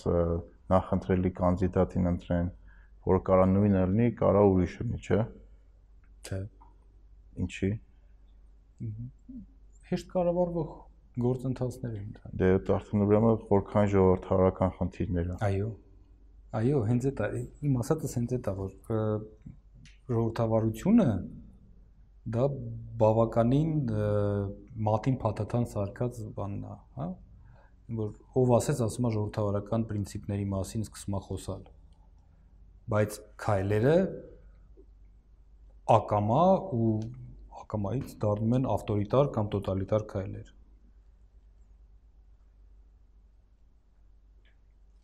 ժողովրդարական երկրի լիդերը իրան թույլ չի տա կոչ անել դատարանների դռները փակել որ որովհետև դատարանը այն համակարգն է, որը իրան են իրանցեն ժողովրդական երկրի լիդերը իրան թույլ չի տա եթերում խոսալուց ասել, որ ասֆալտին կփռեմ, թաթիկները կկտրեմ, պատերին կծեփեմ Դե խոսակցության մակարդակով է բայց դա դարձավ դիսկուրսի արդեն ընկալելի եւ ընդունելի մի մասնիկ այսինքն այդ այդ այդ պահելաձևը այդ խոսելաձևը մարդիկ արագ ընկալեցին ու հիմա դա դարավ ոնց որ նորմալ դա դարավ նորմա դու ոչ թե կրթական ցենզը բարձրացրեցիր այլ դու իջար մակարդակով ցածր ու այդ մակարդակի վրա իջցրիր ամբողջ համակարգը բայց ոչ բոլորը դա կերան մեծամասնությունը իսկ ժողովրդավարությունը պահանջում է մեծամասնության ո՞ւթը ձայնը ձայնը բոլոր ձայները հավասար են այո այսինքն քանի որ քո կարծիք ճիշտ եմ հասկանում քանի որ կրթական մակարդակի այդ խնդիր կա հեշտ է այդ մասսան կառավարել մարդկանց կառավարել մասը բառը չօգտագործեն ու այդտեղ ժողովրդավարությունը դառնում է ավելի շատ խնդիր, քան լուծում։ Ում համար խնդիր։ Ընդհանուր հասարակության համար։ Հասարակության համար այո։ Ժողովրդավարություն իմաստներից մեկն են այն առնելու, որ բոլորը հավասար են, բոլորը ունեն պետք է ունենան հավասար պայմաններ, որ կարողանան ստեղծեն իրենց համար, չգիտեմ, երջանիկ ապագա կամ կյանք։ Շատ պրիմիտիվ ներկայացրեցի, բայց եթե այդ այդ դրա վրա կենտրոնանանք, դուրս է գալիս, որ հակառակ խնդիրն է առաջանում, քանի որ դու հասարակությանը չես կրթում, այլ փորձում ես իրան մոնիպուլացնել, իրանք քեզ հավատում են, որովհետև դու այդ տեխնոլոգիաները կարող ես կիրառես մարդկանց մոնիպուլացնես, քեզ վերընտրում են կամ ընտրում են, որը բերելու է ավելի վատ ապրելու, հա, իրանց։ Այո։ Բայց իրենք կլինեն ավելի երջանիկ։ Բայց այդ ո՞նց է տենց ստացվում։ Նարեկ ջան, այդ կռիվը ժողովրդավարության գնում է ոչ թե տարիներ, ոչ թե դարեր, այլ հազարամյակներ։ Նույն Արիստոտելը խոսում էր դեմոկրատիայի մասին եւ օխլոկրատիայի մասին։ Հա։ Երբ որ կրթական ցենզը գոյություն ունի ու երբ որ գոյություն ունի ամբողը, օխլոսը, դեմոս կրատոս, հա, ժողովրդի կրատոսը բանն է ուժը, հա, դառնում է ամբողի ուժը։ Երբ որ դու կրթական խնդիր ունես ու իջցնում ես մակարդակը պահանջներիդ, երբ որ դու դարձնում ես քո անդիմա անդիմախոսներին դարձնում ես թշնամի, այլ ոչ թե ուղակի counterpart, հա, որտեվ by by default իդեայով դու պետք է երկուսով աշխատեք նույն ուղություն, հա, դու ունես ուղություն զարգացած Հայաստան, բարեկեցիկ կյանք եւ այլն։ Հա, պրոստը ինքը ունի այս տեսակետ, դու ունես այս տեսակետ, բայց երկուսով պետք է ոնց որ բրթեք եսքում։ Իսկ ստացվում է դու ոչ թե բրթում ես, այլ շուկա լեբեջի ռակ վիճակն է։ Ու նույնիսկ այդ ժամանակ Արիստոտելը ասում էր, որ ամենամեծ վտանգը դեմոկրատիայի դեմոկրատիայի, երբ որ դա վերածվում է օխլոկրատիային, երբ որ ամբողջն է կառավարում, այլ ոչ թե ժողովուրդն է կառավարում։ Իսկ ո՞րն է տարբերությունը այդ ամբողջի ու ժողովրդի։ Ամբողջը հեշտությունը, ամբողջը հեշտ ուղեկցվող ու կառավարվող նույն բախով, նույն կրթության պակասով, նու դաժե թե կրթությունը շատ է ու հասանելի է,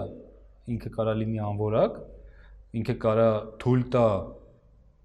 9-րդ դասարանի ֆիզիկայի կուրսը լսած երեխուն հավատալ, որ հալիքներով վիրուսը կփոխանցվի 5G կայաններով։ Բայց ախր այդ այդ դպրոց ֆիզիկայի 8-րդ 9-րդ դասարան։ Ինչ վիրուս, ինչ ինչ ալիքներ։ Բայց ախր խնդիրը ինձ թվում է շատ երկարաժամկետ է, էլի օրինակ այդ այդ պոլիտիկների խնդիրները ընդհանրապես սաղ աշխարհում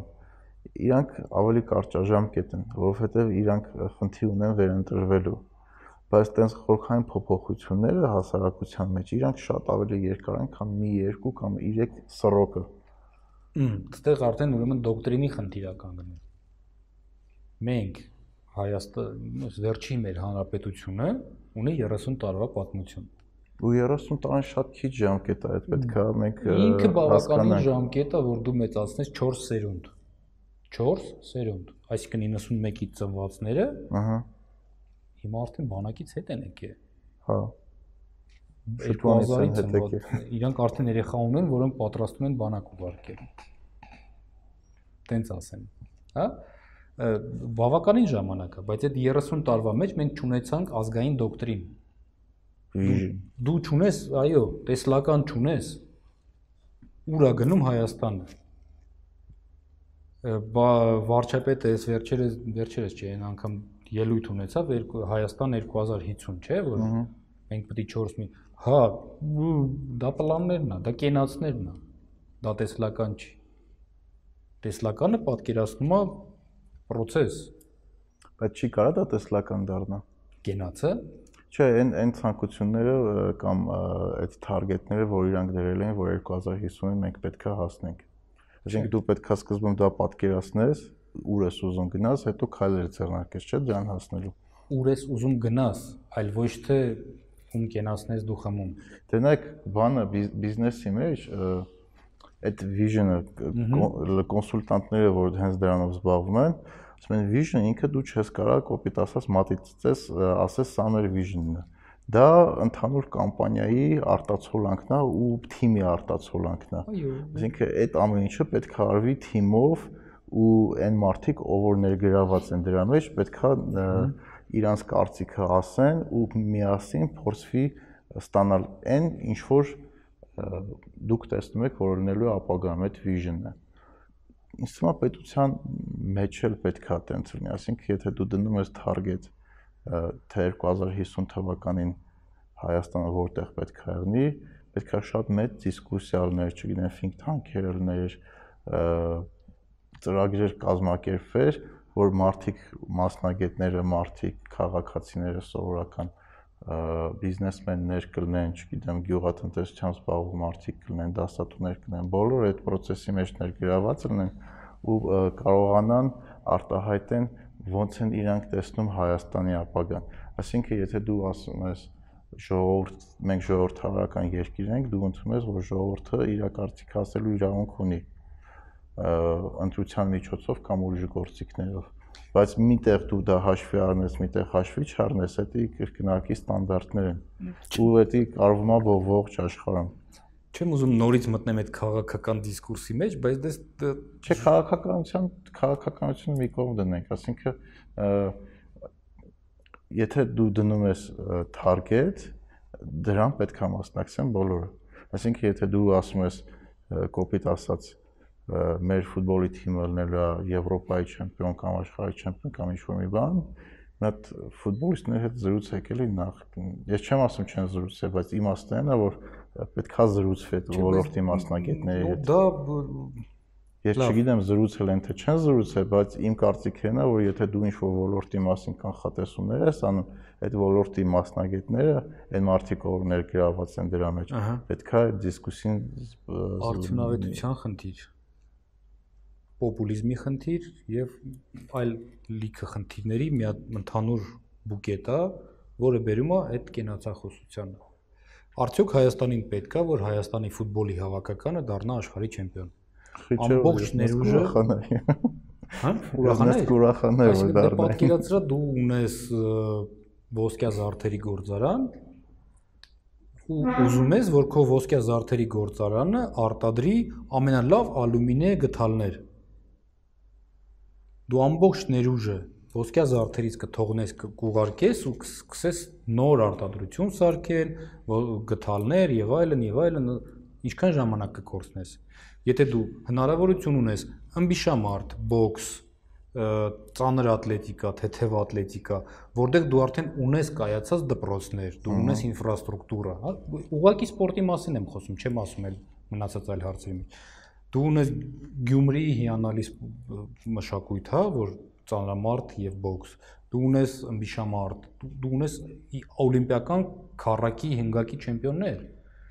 Դիր ներուժը դրա մեջ ու եղիր լավը, այնտեղ որ կոմոդ ստացվում է։ Իսկ 0-ից կառուցել այն ինչ որ կարողա ստացվի, կարողա, չէ։ Էն էլ հայերս գիտենք, որ մենք թիմային խաղացող չենք, շատ բարդ է մեզ մոտ ստացվում։ Ստացվում է ժամանակ առ ժամանակ, բայց շատ բարդ։ Ահա ինչի ծախսել ռեսուրսը ու ժամանակը դրա վրա, եթե դու կարաս այդտեղ ավելի բարձր, եթե դու կարաս գեգեմոն դառնաս ծանրամարտի մեջ կամ ամբիշամարտի մեջ։ Բայց կարելի է զուգահեռել անել։ Բայց ոչ ծախսելով ամբողջ ներուժը, չէ՞։ Չէ, ամբողջ ներուժը համաձայն է որ պետք չի դրա վրա ծախսել, բայց օրինակ այդ գործարանի օրինակը բերեցիր, հա ինքը ոսկի արտադրող է, ինքը դա լավ է ստացվում, բայց ուզում է ինքը, չգիտեմ, հորիզոնտալ կամ վերտիկալ զարգանա, ինքը կարող է ինչ-որ նոր ֆունկցիաներ վերցնի, փորձի անել, բայց իր այդ core հիմնական ֆունկցիան պետքա չթողի, որովհետեւ այդ հիմնական դե, ֆունկցիայից է ցավոք սրտի Հայաստանի ֆուտբոլը այտենց վիճակում է գտնվում, որ պետքա լրիվ զրոյից ստեղծվի։ Մենք նույնիսկ չունենք մշակույթ կլուբային։ Ահա։ Հայաստանի լիգան 8 չէ 6 թիմ է, 6 թե 8 թիմ է խաղում։ Չգիտեմ, չեմ հետևում, չեմ կարող ասել։ Ու ստադիոններին, երբ որ խաղեր ա լինում, ոչ բարեբախտաբար ստադիոնի կողքն եմ ապրում։ Տեսնում եմ 100-ից ոչ ավել մարդ է գնում։ Բայց որ սկսեն լավ խաղան, շատ մարդիկ կգնա։ Լավ լավ խաղալու համար պետքա ինֆրաստրուկտուրա ստեղծվի, որ հիմիկվայից եթե իրանք սկսեն այդ ֆուտբոլի դպրոցները սարքեն մարզերում, տարբեր քաղաքներում, մի 20 տարի հետո կարողա լավ ֆուտբոլ ունենանք։ Իսկ եթե արդեն պատրաստի ինֆրաստրուկտուրայի վրա դու ուժեղացնես, ոչ թե սարքես 0-ից ստադիոն, այլ ռեմոնտ անես եղած զալերը, որտեղ ծանրամարտներն են կամ գիմնաստիկայի մասնագետներն են պարապում սպորտում։ Դա էլ է պետք կարվել։ Այդ անպայման ռեզուլտատը կունենաս ոչ թե 30-40 տարի հետո, այլ 5 տարի հետո։ ինձ թվում է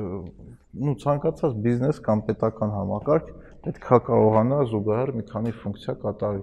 Դիվերսիֆիկացիայի խնդիր։ Հա, բայց այն մեր պապական խոսք կա է, որ ասում են սաղ ձվեր այդ մի բանի տուփի մեջ մի դիր։ Հա, բայց դե ֆակտո ստացվում է, որ դու պետք է սկզբից գործես նոր այդ բանը, զամբյուղը, հետո նոր ձվերը դնես զամբյուղի մեջ։ Իսկ դու այս պահին ունես արդեն երկու հատ զամբյուղ ես ձեռքիդ մեջ, դու առաջարկում ես այդ զամբյուղները մոռանալ, նոր զամբյուղ գործել ու ձվերը դնել այդ զամբյուղի մեջ։ Ինչ ավելի ժամանակատար է ու Չէ, դա հին զամբյուղները պետք չի մոռանալ միանշանակ, բայց նորի վրա է պետք աշխատել։ Հա, հա, ոչ մեկ չի ասում որ չէ, բայց պետք չի կենտրոնանալ մենակ մի թեմայի մեջ։ Հա, նու նու այն նու բիզնես բիզնեսի մեջ համենայն դեպս տեսա այն քոր ֆունկցիան, որ դու կատարում ես, հիմնական ֆունկցիան, որ դու կատարում ես ու դա քո մոտ լավ ստացվում, նախ պետք է outsource չանես, երկրորդը դրա պետք է ավելի ուժեղացնես, բայց դրա հետ զուգահեռ պետք է կարողանաս բիզնեսը դիվերսիֆիկացնես։ Իհարկե, կարողանաս ուրիշ ապրանքները ստեղծես կոպիտ որ այդտենց կրիզիսային իրավիճակում դու ապահովես sustain կայուն աճ կանա չէ այս այս այս կրիզիսի ընթացքում այդ շատ ասենց լավ երևաց այն բիզնեսները որոնք մենակ մի ֆունկցիա էին կատարում շատ շատ շատ դժվար վիճակում հայտնվեցին։ Ես ոչ բոլորը, ոչ բոլորը։ Նկատեցի, որ ոչ միայն մի մի ֆունկցիա են կատարում, այլ որոնք ճկուն չէին իրանց մենեջմենթի մեջ։ Օրինակ նույն ռեստորանները, որոնք ունեին ակտիվ ցանցային կայք, delivery եւ այլն, իրանք համարյա թե չզգացին Հա, գալը զգացին միանշան, բայց իրանք հարմարվեցին, որտեղ այս ընթացքում է այն կամպանիաները, որոնք շատ լավ կետ նշեցիր, ունեին flexible management, management, որը կարող է արագ ադապտացվի, այս ընթացքում իրանք շատ կամպանիաներ անգամ նոր ապրանքներ շուկա հանեցին, որը օգնեց իրանք այս վատ ամենայն peak վատ պերիոդը, որ ամեն ինչ փագեր, ապրեն դրա միջով։ Բայց շատ լավ քիչ կա բանը, Jim Collins-ն է Great by Choice-ա կոչվում։ Ինքը այդ գրքի մեջ հենց դրա մասին է ասում, որ եթե դու պատրաստված ես, դու անընդհատ քո վրա աշխատում ես, երբ որ գալիս է վատ պահը, դու գիտես, որ ինքը պալյուբոմու գալիս է, գալու է ու դու դրան պատրաստ ես։ Ասում եմ լավ ալպինիստները միշտ իրանց հետ ավել կիսլարոդ են տանում։ Որտեվ հա նու որովհետև միշտ կարա ինչ որ բան լինի, որը դու չես պլանավորել։ Այսինքն ոչ մեկ չէր պլանավորում, չէ՞ վիրուսներ, բայց շատերը պլանավորում էին, որ ինչ որ մի կետից կարող վատ լինի, ու այդ վատ լինելուն իրանք պատրաստ էին։ Բայց դե Էվերեստի ճանապարհը դիակներով է լցված լավ լավ ալպինիստների մասին այդ բան չանենք չխոսենք։ Ես ուզում եմ ասեմ միշտ չես կարա լինես պատրաստ բայց դու կարա նկատում չելենջներին տարբեր դու չես կարա ասես որտեղից ինչա գմփալու բայց դու կարաս ինքդ քեզ պատրաստես լինել ճկուն հա հա այդ թեմայով էլի մեր հյուրերի հետ խոսացել ենք որ 21-րդ դարում այս արագ փոխվող environment-ի մեջ որ ամեն ինչ կողքդ փոխվում է դու եթե ճկուն չեղար շատ արագ խաղից դուրս կգաս ուղակի նույնիսկ չես նկատի ոնց դուրս կմնաս ոչ թե դու դուրս կգաս այլ քեզ կմղի դուրս հա դու խաղը առաջ կգնա դու հետ կմնաս այդ ամենը դու կմնաս քո այդ ավազանում այդ փոքր ավազով սավոճիկով կրուզավիկներով բան կանես իսկ կպարզվի այդտեղ արդեն 5G համակարգերով դե հա իրականում փոխանցում հա օրինակ շատերի հետ շփվելուց տենց տենդենս եմ նկատել, որ մարդիկ միշտ պատճառներ են գտնում ինչ-որ մի բան չսկսելու ժամանակ։ Այն ժամանակ, չգիտեմ, ասում են մենք հեսա կմեծանանք, սա շի կգա մեր բիզնեսը կվերցնի, ասում են լիմաց սկսեք, հասեք այդ մակարդակին, նոր դրա մասին կարող մտածեք։ Հետո բանն է, չգիտեմ, հեղափոխությունա, սա խառնա, մի հատ տենանք ինչ արնելու։ Հետո բանն է, կորոնավիրուսներ, կորոնավիրուսից հետո էլ արդեն չգիտեմ, Նիկոլը մեղավոր կլինի, այսինքն միշտ մարդիկ մեղավորներ են գտնում ինչ որ մի բան չսկսելու համար։ Մենք ծույլ ենք։ Մենակ մենք չենք, սա աշխարհն է տենց։ Չէ, ուզում եմ ասեմ, տենց ասողները ծույլության գագաթնակետն են։ Սաշիկը 2 տարիա չկա։ Հետ 50%-ները պետք է որ արդեն հետ գային ու ուրա չկա։ Հեղափոխությունը կամ հեղաշրջումը 2 տարիա բրծել է յանի ուրա էֆեկտները, որ կխանգարեն բիզնես անելու, հա։ Կորոնավիրուսը կարող է խանգարի սպասարկման ոլորտին ու туриզմի ոլորտին համաձայն եմ, որտեվ այս օբյեկտիվ պայմաններում, բայց սկսեք ինչ որ բան անել, որ մեր մեծերը քո ասած լավ բարեր ունեն, որ քարին տաշած քարը ճամփին չի մնա, բայց մնացած քարի տակ ջուրը չի մնա։ Պատլիժա չկա, մին վադանիտի չոտ։ Հա Այսինքն եթե դու ոչ մի բան չես անի, ոչ մի բան չի փոխվի քո հա։ համար։ Մնացած շրջապատում փոխվում է։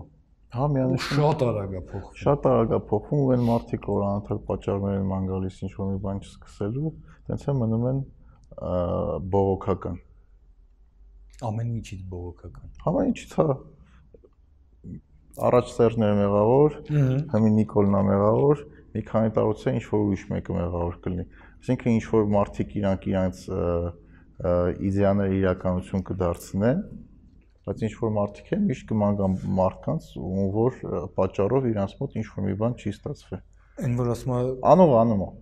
Անովը մեղավոր չի ման գալիս։ Իսկ այն մարդը որ չի ուզում անում, ինքը միշտ օրինակ որ ես այս թեմայով ընկերներից մեկի հետ խոսում էի, ասում եմ օրինակ երբ որ մեր բանկարարության ռեյտինգը 70%-ից բարձր էր, ասում եմ ժողովուրդ այդ ռեյտինգը տենց չի մնալու։ Կապ չունի իրանք ամեն ինչ իդեալական է անեն, իրանք ռեյտինգը տենց չի մնալու, ասում են ինչի, ասում են որովհետև Հայաստանում լիքը մարդիկ կան, որոնք մեկը ոչ մի բան չեն անելու ու իրանց համար մեղավոր է պետք լինելու։ Իսկ պետությունը միշտ ամենալավ մեղավորն է։ Այսինքն իր բանը կառավարությունը ամեն ինչ իդեալական է անի, միշտ լիքը մարդիկ իրանց մեղադրելու են, որովհետև իրանք չկայացած պրոյեկտները, որոնք իրանք երբեք իրական չեն իրականացնելու, դրա համար բան են անելու, միշտ պատճառ են գտնելու, ինչ որ լեգենդներ են սկսելու հավատան, որ ինչ որ մեկը իրանք բիզնես իրանք ձեռից կկլի, կխլի կամ ինչ որ մեկը հատուկ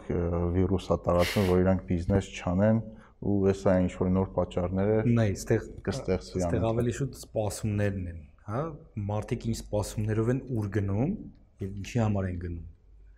Եթե հիշում ես 18-ի այդ իշխանապողությունների ժամանակ, հա, երբ ամբողը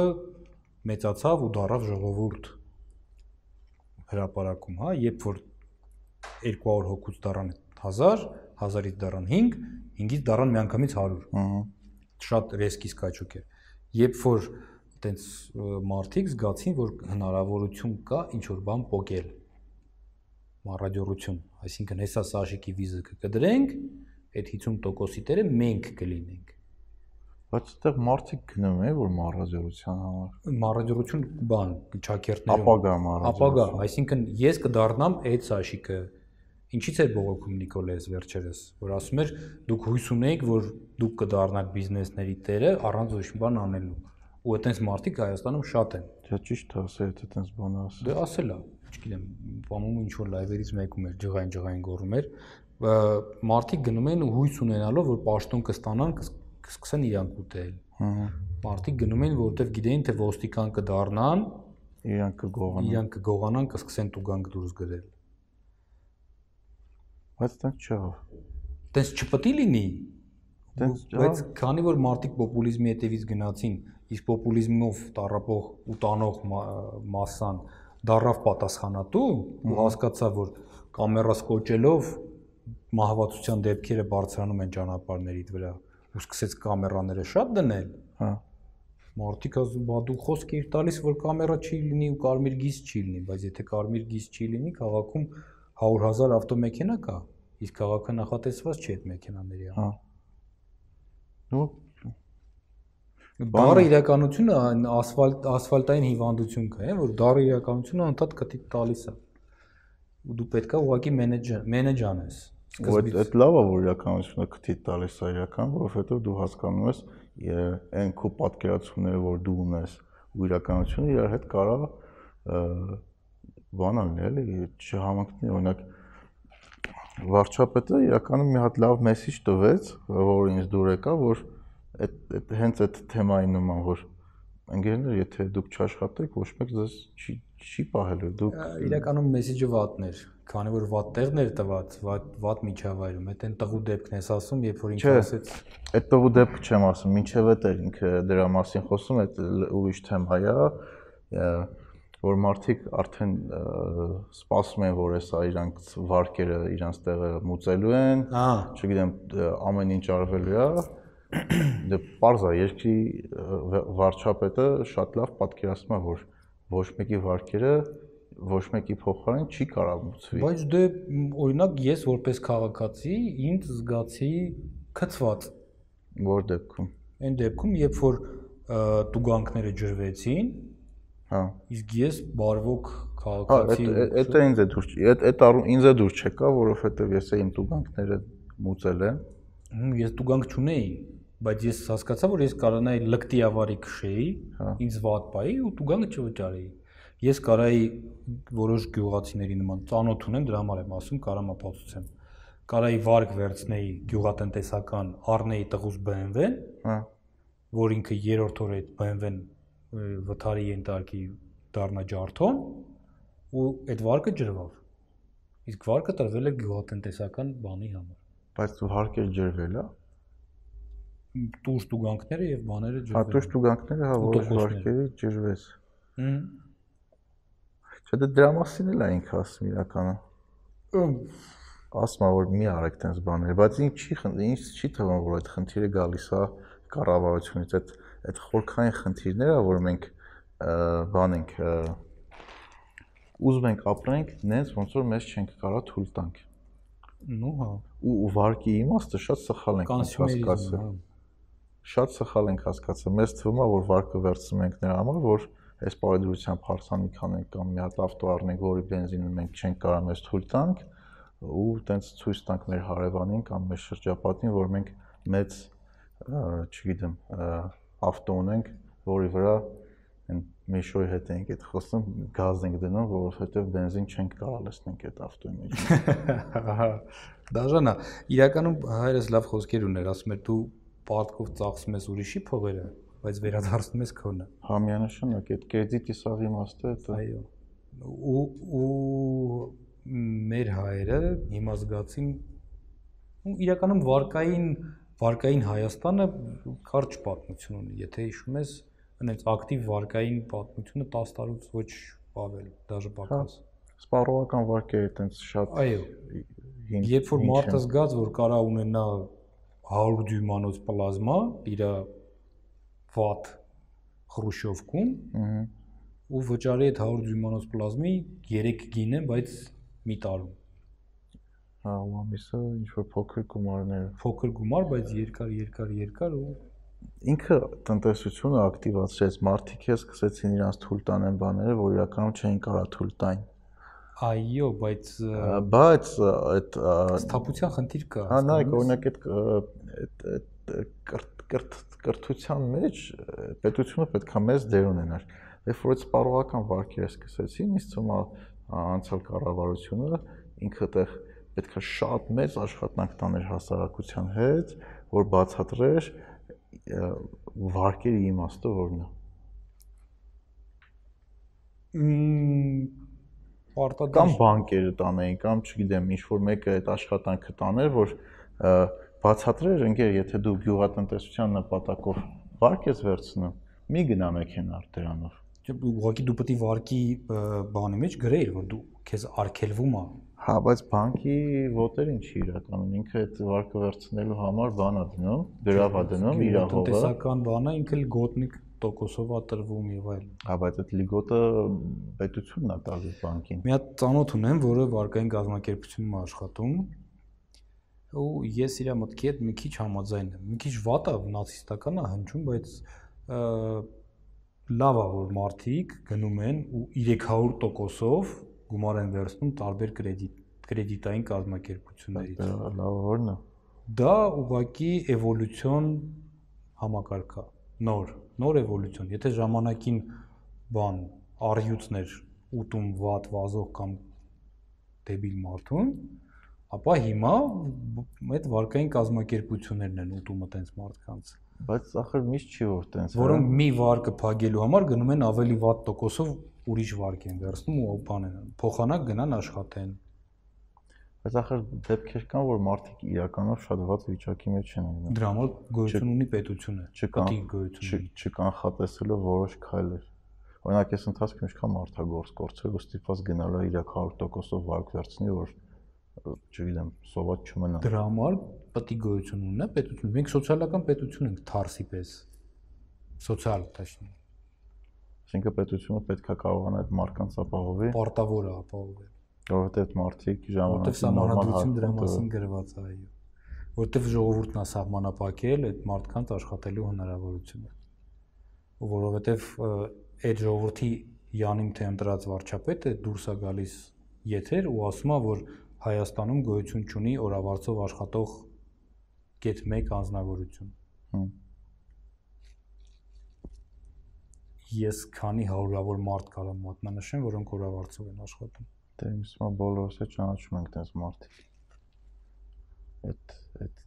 ճիշտ հետաքրքիր է դու այդ միջոցառումներից օգտվել ես որևէ մեկից։ Ես չէ։ Քո բախտն էլ չբերեց, հա։ Ես չեմ դիմա, եթե ճիշտն ասա։ Ես էլ։ Ես չեմ դիմա, որովհետև օրինակ այս վերջը ես ընկերոջս հետ էի խոսում, որ ասում ամերիկյան համալսարան մեջ սովորում դե լավ լիգոտաներ կար։ Հարցրեցին խիչ ես դիմում, բանը դու էլ որոշ տոկոսի կարող ստանաս։ Ես ասացի, որ ես այդ ազնիվ չեմ գտնում, որովհետև քանի որ ես կամ այն վարձը տամ, դժվարությամբ, բայց կարող եմ ինչ որ մեկը կարող է դա չկայանա, որ այդ ես վերցնեմ, ինչ որ մեկին չի հասնի։ Կզրկես։ Հա, ես իմ մոտ բանը այդ այդ էթիկայի մասը մի քիչ խորն է նստած, իմ դաստիարակությունից է գալիս։ Այ հիմա ո՞նց անենք, որ մեր ժողովրդի մեջ այդ էթիկային մասը ու ժողովրդի որպես արտացոլակ լրատվամիջոցների մեջ այդ էթիկային մասը մի քիչ բարձրացնենք։ Ну, իմ ես կարող ասեմ իմ մոտ ոնց է առաջացել դաստիարակությամբ, իմ ծնողները, իմ հարազատները այդ այդ փորձել եմ իմ մեջ բանան փոքր տարիքից դաստիարակեն։ Պլյուս բացի դրանից դաստիարակել են կարդալու հանդեպ սեր իմ ծնողներն ու իմ դասատուները որոշ բաներ գրքերից եկել Ես ուզում եմ հա- հավատալ, որ Հայաստանում չկա տենց ընտանիք, որտեղ ասում են, որ գողանալը լավ բան է։ Չեն կամ մարդու վրա քշելը լավ բան է։ Նայ, չեն ասում տենց բան, բայց օրինակով ցույց չեն տալիս որովհետև դու ծնողը շատ լավ գիտես, որ երեխեք ավելի շատ տեսնելով ու լսելով են սովորում, քան քո ասածով։ Այսինքն, երբ որ դու ասում ես մի միացրա այդ գազօջախը ձերքդ կվառվի, ինքը միջև չվա միացնի ձերքը չվառի, շատ անգամ բան չեն անում։ Ջան, բայց պարտադիր չէ 10-րդ հարգից գլխի վրա անգնելը, որ հասկանաս, որ է մահանաս։ Հա, բաներ կա, ինտուիտիվ մենք հասկանում ենք, բաներ կա, ծնողներից ենք սովորում, բայց բաներ կա, որ մենք տեսնելով ենք սովորում։ Այսինքն, եթե ծնողը ասում է, գիտես ինչ, տղա ջան, նորմալ քշելը շատ լավ է, սիգնալ տալը լավ է, ու զիջելը լավ է, բայց երեխուն հետևը նստածնում է առանց քարսիթի ու առանց ամրագոտին գցելու ու սկսում է մարկանց դեմը կտրել սիգնալ տալու քֆուր անել, երեխին դա սովորում է որպես նորմալ։ Որտեղ այն ինչ որ ինքը ասում էր, ու այն ինչ որ ինքը անում էր, իրար հետ կոնկրետ կոնֆլիկտի մեջ են։ Իսկ երեխին ինձ թվում է ավելի արագ կսովորի այն ինչ որ անում են։ Այսինքն երես երեսապաշտություն որպես ազգային սպորտաձև Ну ոչ միայն ազգային, մենակ մեր ազգի հետ չկապենք այդ Ես մեր ազգի վրա եմ ուզում որ մենք դվտքապ ունեմ ուրիշների մոտ Չէ դե բանը իրականում հա մեր մեր դեպքում շատ բաներ մենք ասում ենք, բայց հակառակը անում ենք։ Ու հետո միշտ պատճառներ ենք գտնում, խիենք մենք դա տենց արել։ Օրինակ եթե այդ ծնողը որ երեխուն առանց ամրագոտ ու քարսիթի քշելա ու տաքսի հեռախոսը մոտս չերեք նկարել էի դեմից ավտոյա գնում մերը մի ձերով սեմուշկա էր չրթում երկրորդ ձերով երեխեն պատուանից հա, հանածա հերնը դեմը ծխում էր նա դա ինչ սցենա տեսարաններ չես պատկերացնի այսինքն եթե երեխեն այդ այդ միջավայրում մեծանում է ինքը տենց է դառնում դու իրան ինչքան ուզում ես ասա ռուլին ծխելը վատ է սեմուշկա չրթել փողոցում թափելը վատ է ինքը դա տենում է եթե դու դա տենում ես դա կրկնում ես իսկ միգուցե ստեղ աշխատում է պետական ինստիտուտների եւ տենց կոչված կարատելնայ մաշինա։ Եթե հիշում ես Տիգրան Սարգսյանի ժամանակ, երբ որ ամրագոտիների առաջի տենց ալիքը բարձրացավ, պահանջվեց ընդամենը 1 ամիս, որ առնվազն Երևանի վարորդների 99%-ը գոտի գցում էին։ Բայց հետո շատ արագ այդ վերացավ, երբ որ բանը որովհետև վերահսկողությունը հանեցին։ Չէ, վերահսկողությունը։ Վերահսկողությունը թուլացավ այդ այդ այդ թեմով էլի մեր ոդքասթներից մեկի մեջ խոսացել ենք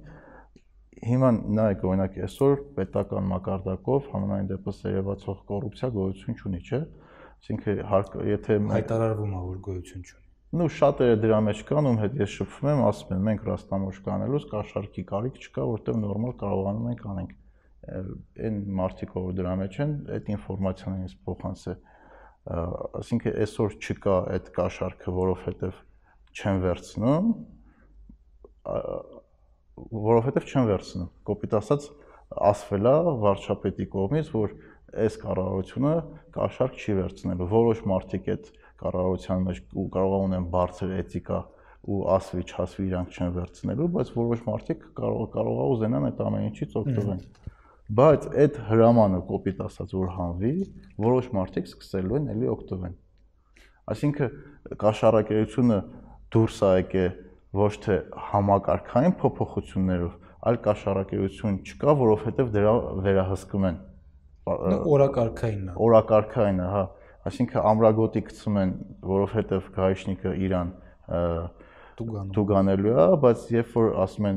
գայշնիկները արդեն մենք ուրիշ բաներով ենք զբաղվելու, մարդիկ չեն սկսում ամրագործել։ Դե էլի էլի կրթության խնդիրն է կանգնում։ Երկարաժամկետ է պետք է տամ ինչ անել։ Եթե մարդը չի հասկանում, որ ամրագոտին իր կյանքն է բրկում եւ քարսիտը իր երեխուն հնարավորություն է տալիս ապրել ավելի երկար,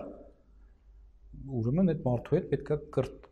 կրթականով խոսում։ Հա, Եթե կրթականով չի ստացվում, մահակն է աշխատում այդ բարակը։ նու մահակը միշտ չի աշխատում, ես իրականում կրթականի կողմնակից Ֆինանսական եմ։ մահակը միշտ աշխատում է։ Մարդիկ ավելի շատ գտնում են լուծումները, ոնց կարելի է դա չանել։ Լուծումները ոնց կարելի է չանել,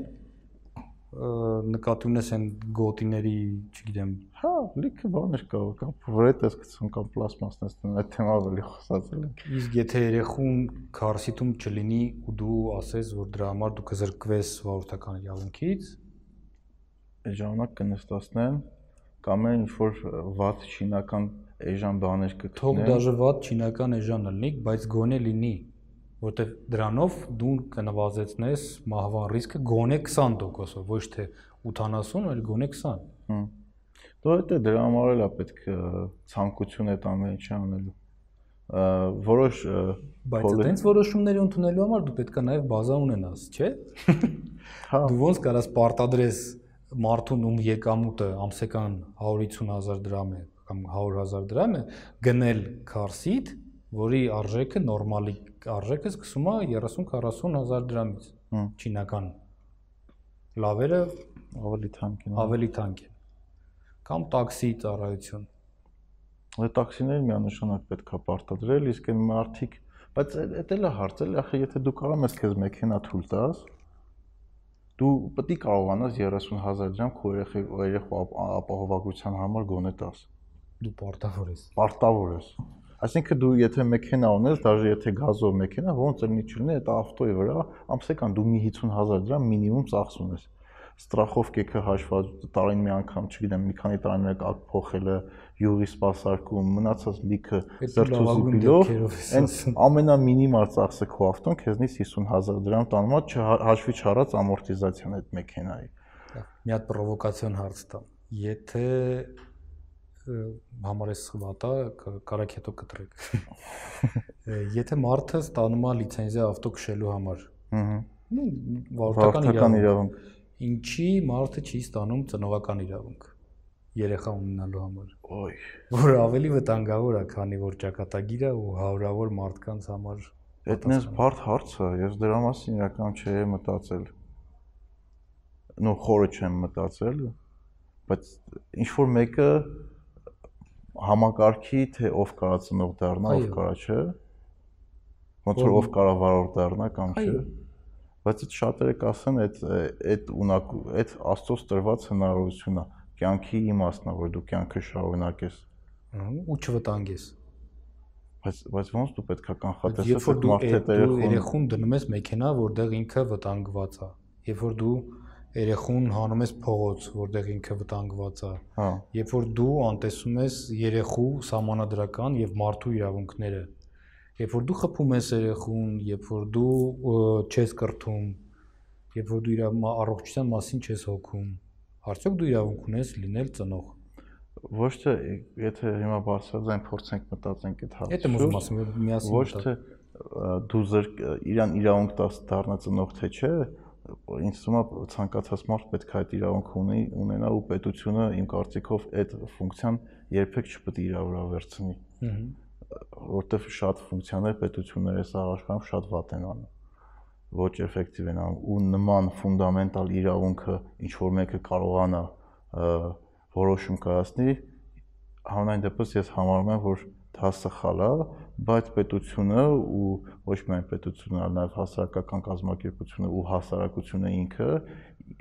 պետքա որոշ բաներ ճնշում գործադրի որ տենց չլինի որովհետև այդ երեխու կյանքը վտանգվում է Ահա։ Մամ ես Այսինքն, եթե դու երեխուդ քարսիտով չես ստանում, եթե դաժե պետությունը չի պարտադրում, որ դու քարսիտ դնես, որ քո երեխան ավելի ապահով լինի մեքենան, հասարակությունը այնքան զարգացած ու կրթված եղնի, որ դու ասես, ընկեր, դու իմ ընկերն ես կամ իմ ընկերուհին ես, որը ունի երեխա։ ես քո հետ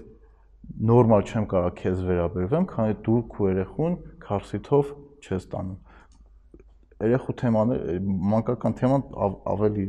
զգալի թեմա էլի, կամ ընկեր դու մի գցի այդ աղբը փողոց։ Ես քո հետ չեմ կարող լավ վերաբերվեմ քեզ, որպես ընկեր ընդունեմ կամ ընկերուհի ընդունեմ, եթե դու քեզ թույլ ես տալի, այդ տուփը ճմրթես գցես փողոց կամ քո աղբը շենքի հայաց շփորտես։ Բայց դրա համար տենց երկարատև կրթական ծրագիր է պետք։ Ինչը եւ ես ինչի այդ թեման բարձրացեցի, ես ուզում եմ որ դու ասեիր այդ ամբողջը, որտեվ անդադ ես եմ ասում կրթություն, կրթություն, կրթություն ստացվում է տենց որ կրթությունը ոչ միայն ընտանիքից այլ նաև հասարակությունից հասարակությունից էլ է գալիս եթե քու հարևանը նորմալ է համարում որ դու աղբեր շփորտում տանդ հետևը դու այդ աղբեր շփորտել ես լոկալ լոկալ հարցեր եկա որ լոկալ օրինակ մեր մեր փողոցը շատ մաքուր փողոց է Ինչի, որովհետև հարևանները բոլորը իրար հետ ճանաչում են, ամեն առավոտ իրար բարև են տալի, ու եթե ինչ որ մեկը այդ փողոցում աղքցի, հարևանները իրան լավ չեն նայի։ Նույն խնդիրը մեր բազմաբնակարային շենքում է։ Երբ որ շենքի հայաթում աղբ են գցել, մի ամբողջ Facebook group, մի հավոր քանի հոգի մարդ, ընտանիքներ, բնակարաններ եւ այլն բողոքում են, կռիվ, պատերազմ, իրար իրար վրա ցեղ շփրտել, ով արե, ես դրա են, դուք խոս չեք, ես եսի ինչ, եսի ինչ, առնվազն մեկ բան էր հարկավոր, որ համատիրության ներկայացուցիչը ասի, որ կես ժամից մենք կնայենք տեսանյութը կամերաներից ու կհասկանանք ով է արել։ 5 րոպեում այդ աղբը չկար։ թափողը գնացել ու բարձրացրել։ Որովհետև այդ մարդը ամաչում է զգաց պատասխանատվություն հա։ եւ blame blame peer pressure-ը։ Հա, peer pressure-ը, որ քո հարևանը ասես դու խոզես, որովհետև աղբես թափում ու ապացույց կլիներ հա, հասկանում ես։ Ինքը դրանից ամաչեց երկրորդ անգամ չի անի։ Բայց շատ լավ թեմա բացեցի, հաջորդ անգամ որ հանդիպենք, այս թեմայով կխորանանք։ Շատ շնորհակալություն հետաքրքիր զրույց ստացվեց։ Քեզ էլ շնորհակալություն, ոնց մի քիչ բուրըն խոսացինք, բայց հաճելի է։ Սա իմաստը է դա։ Լավ է։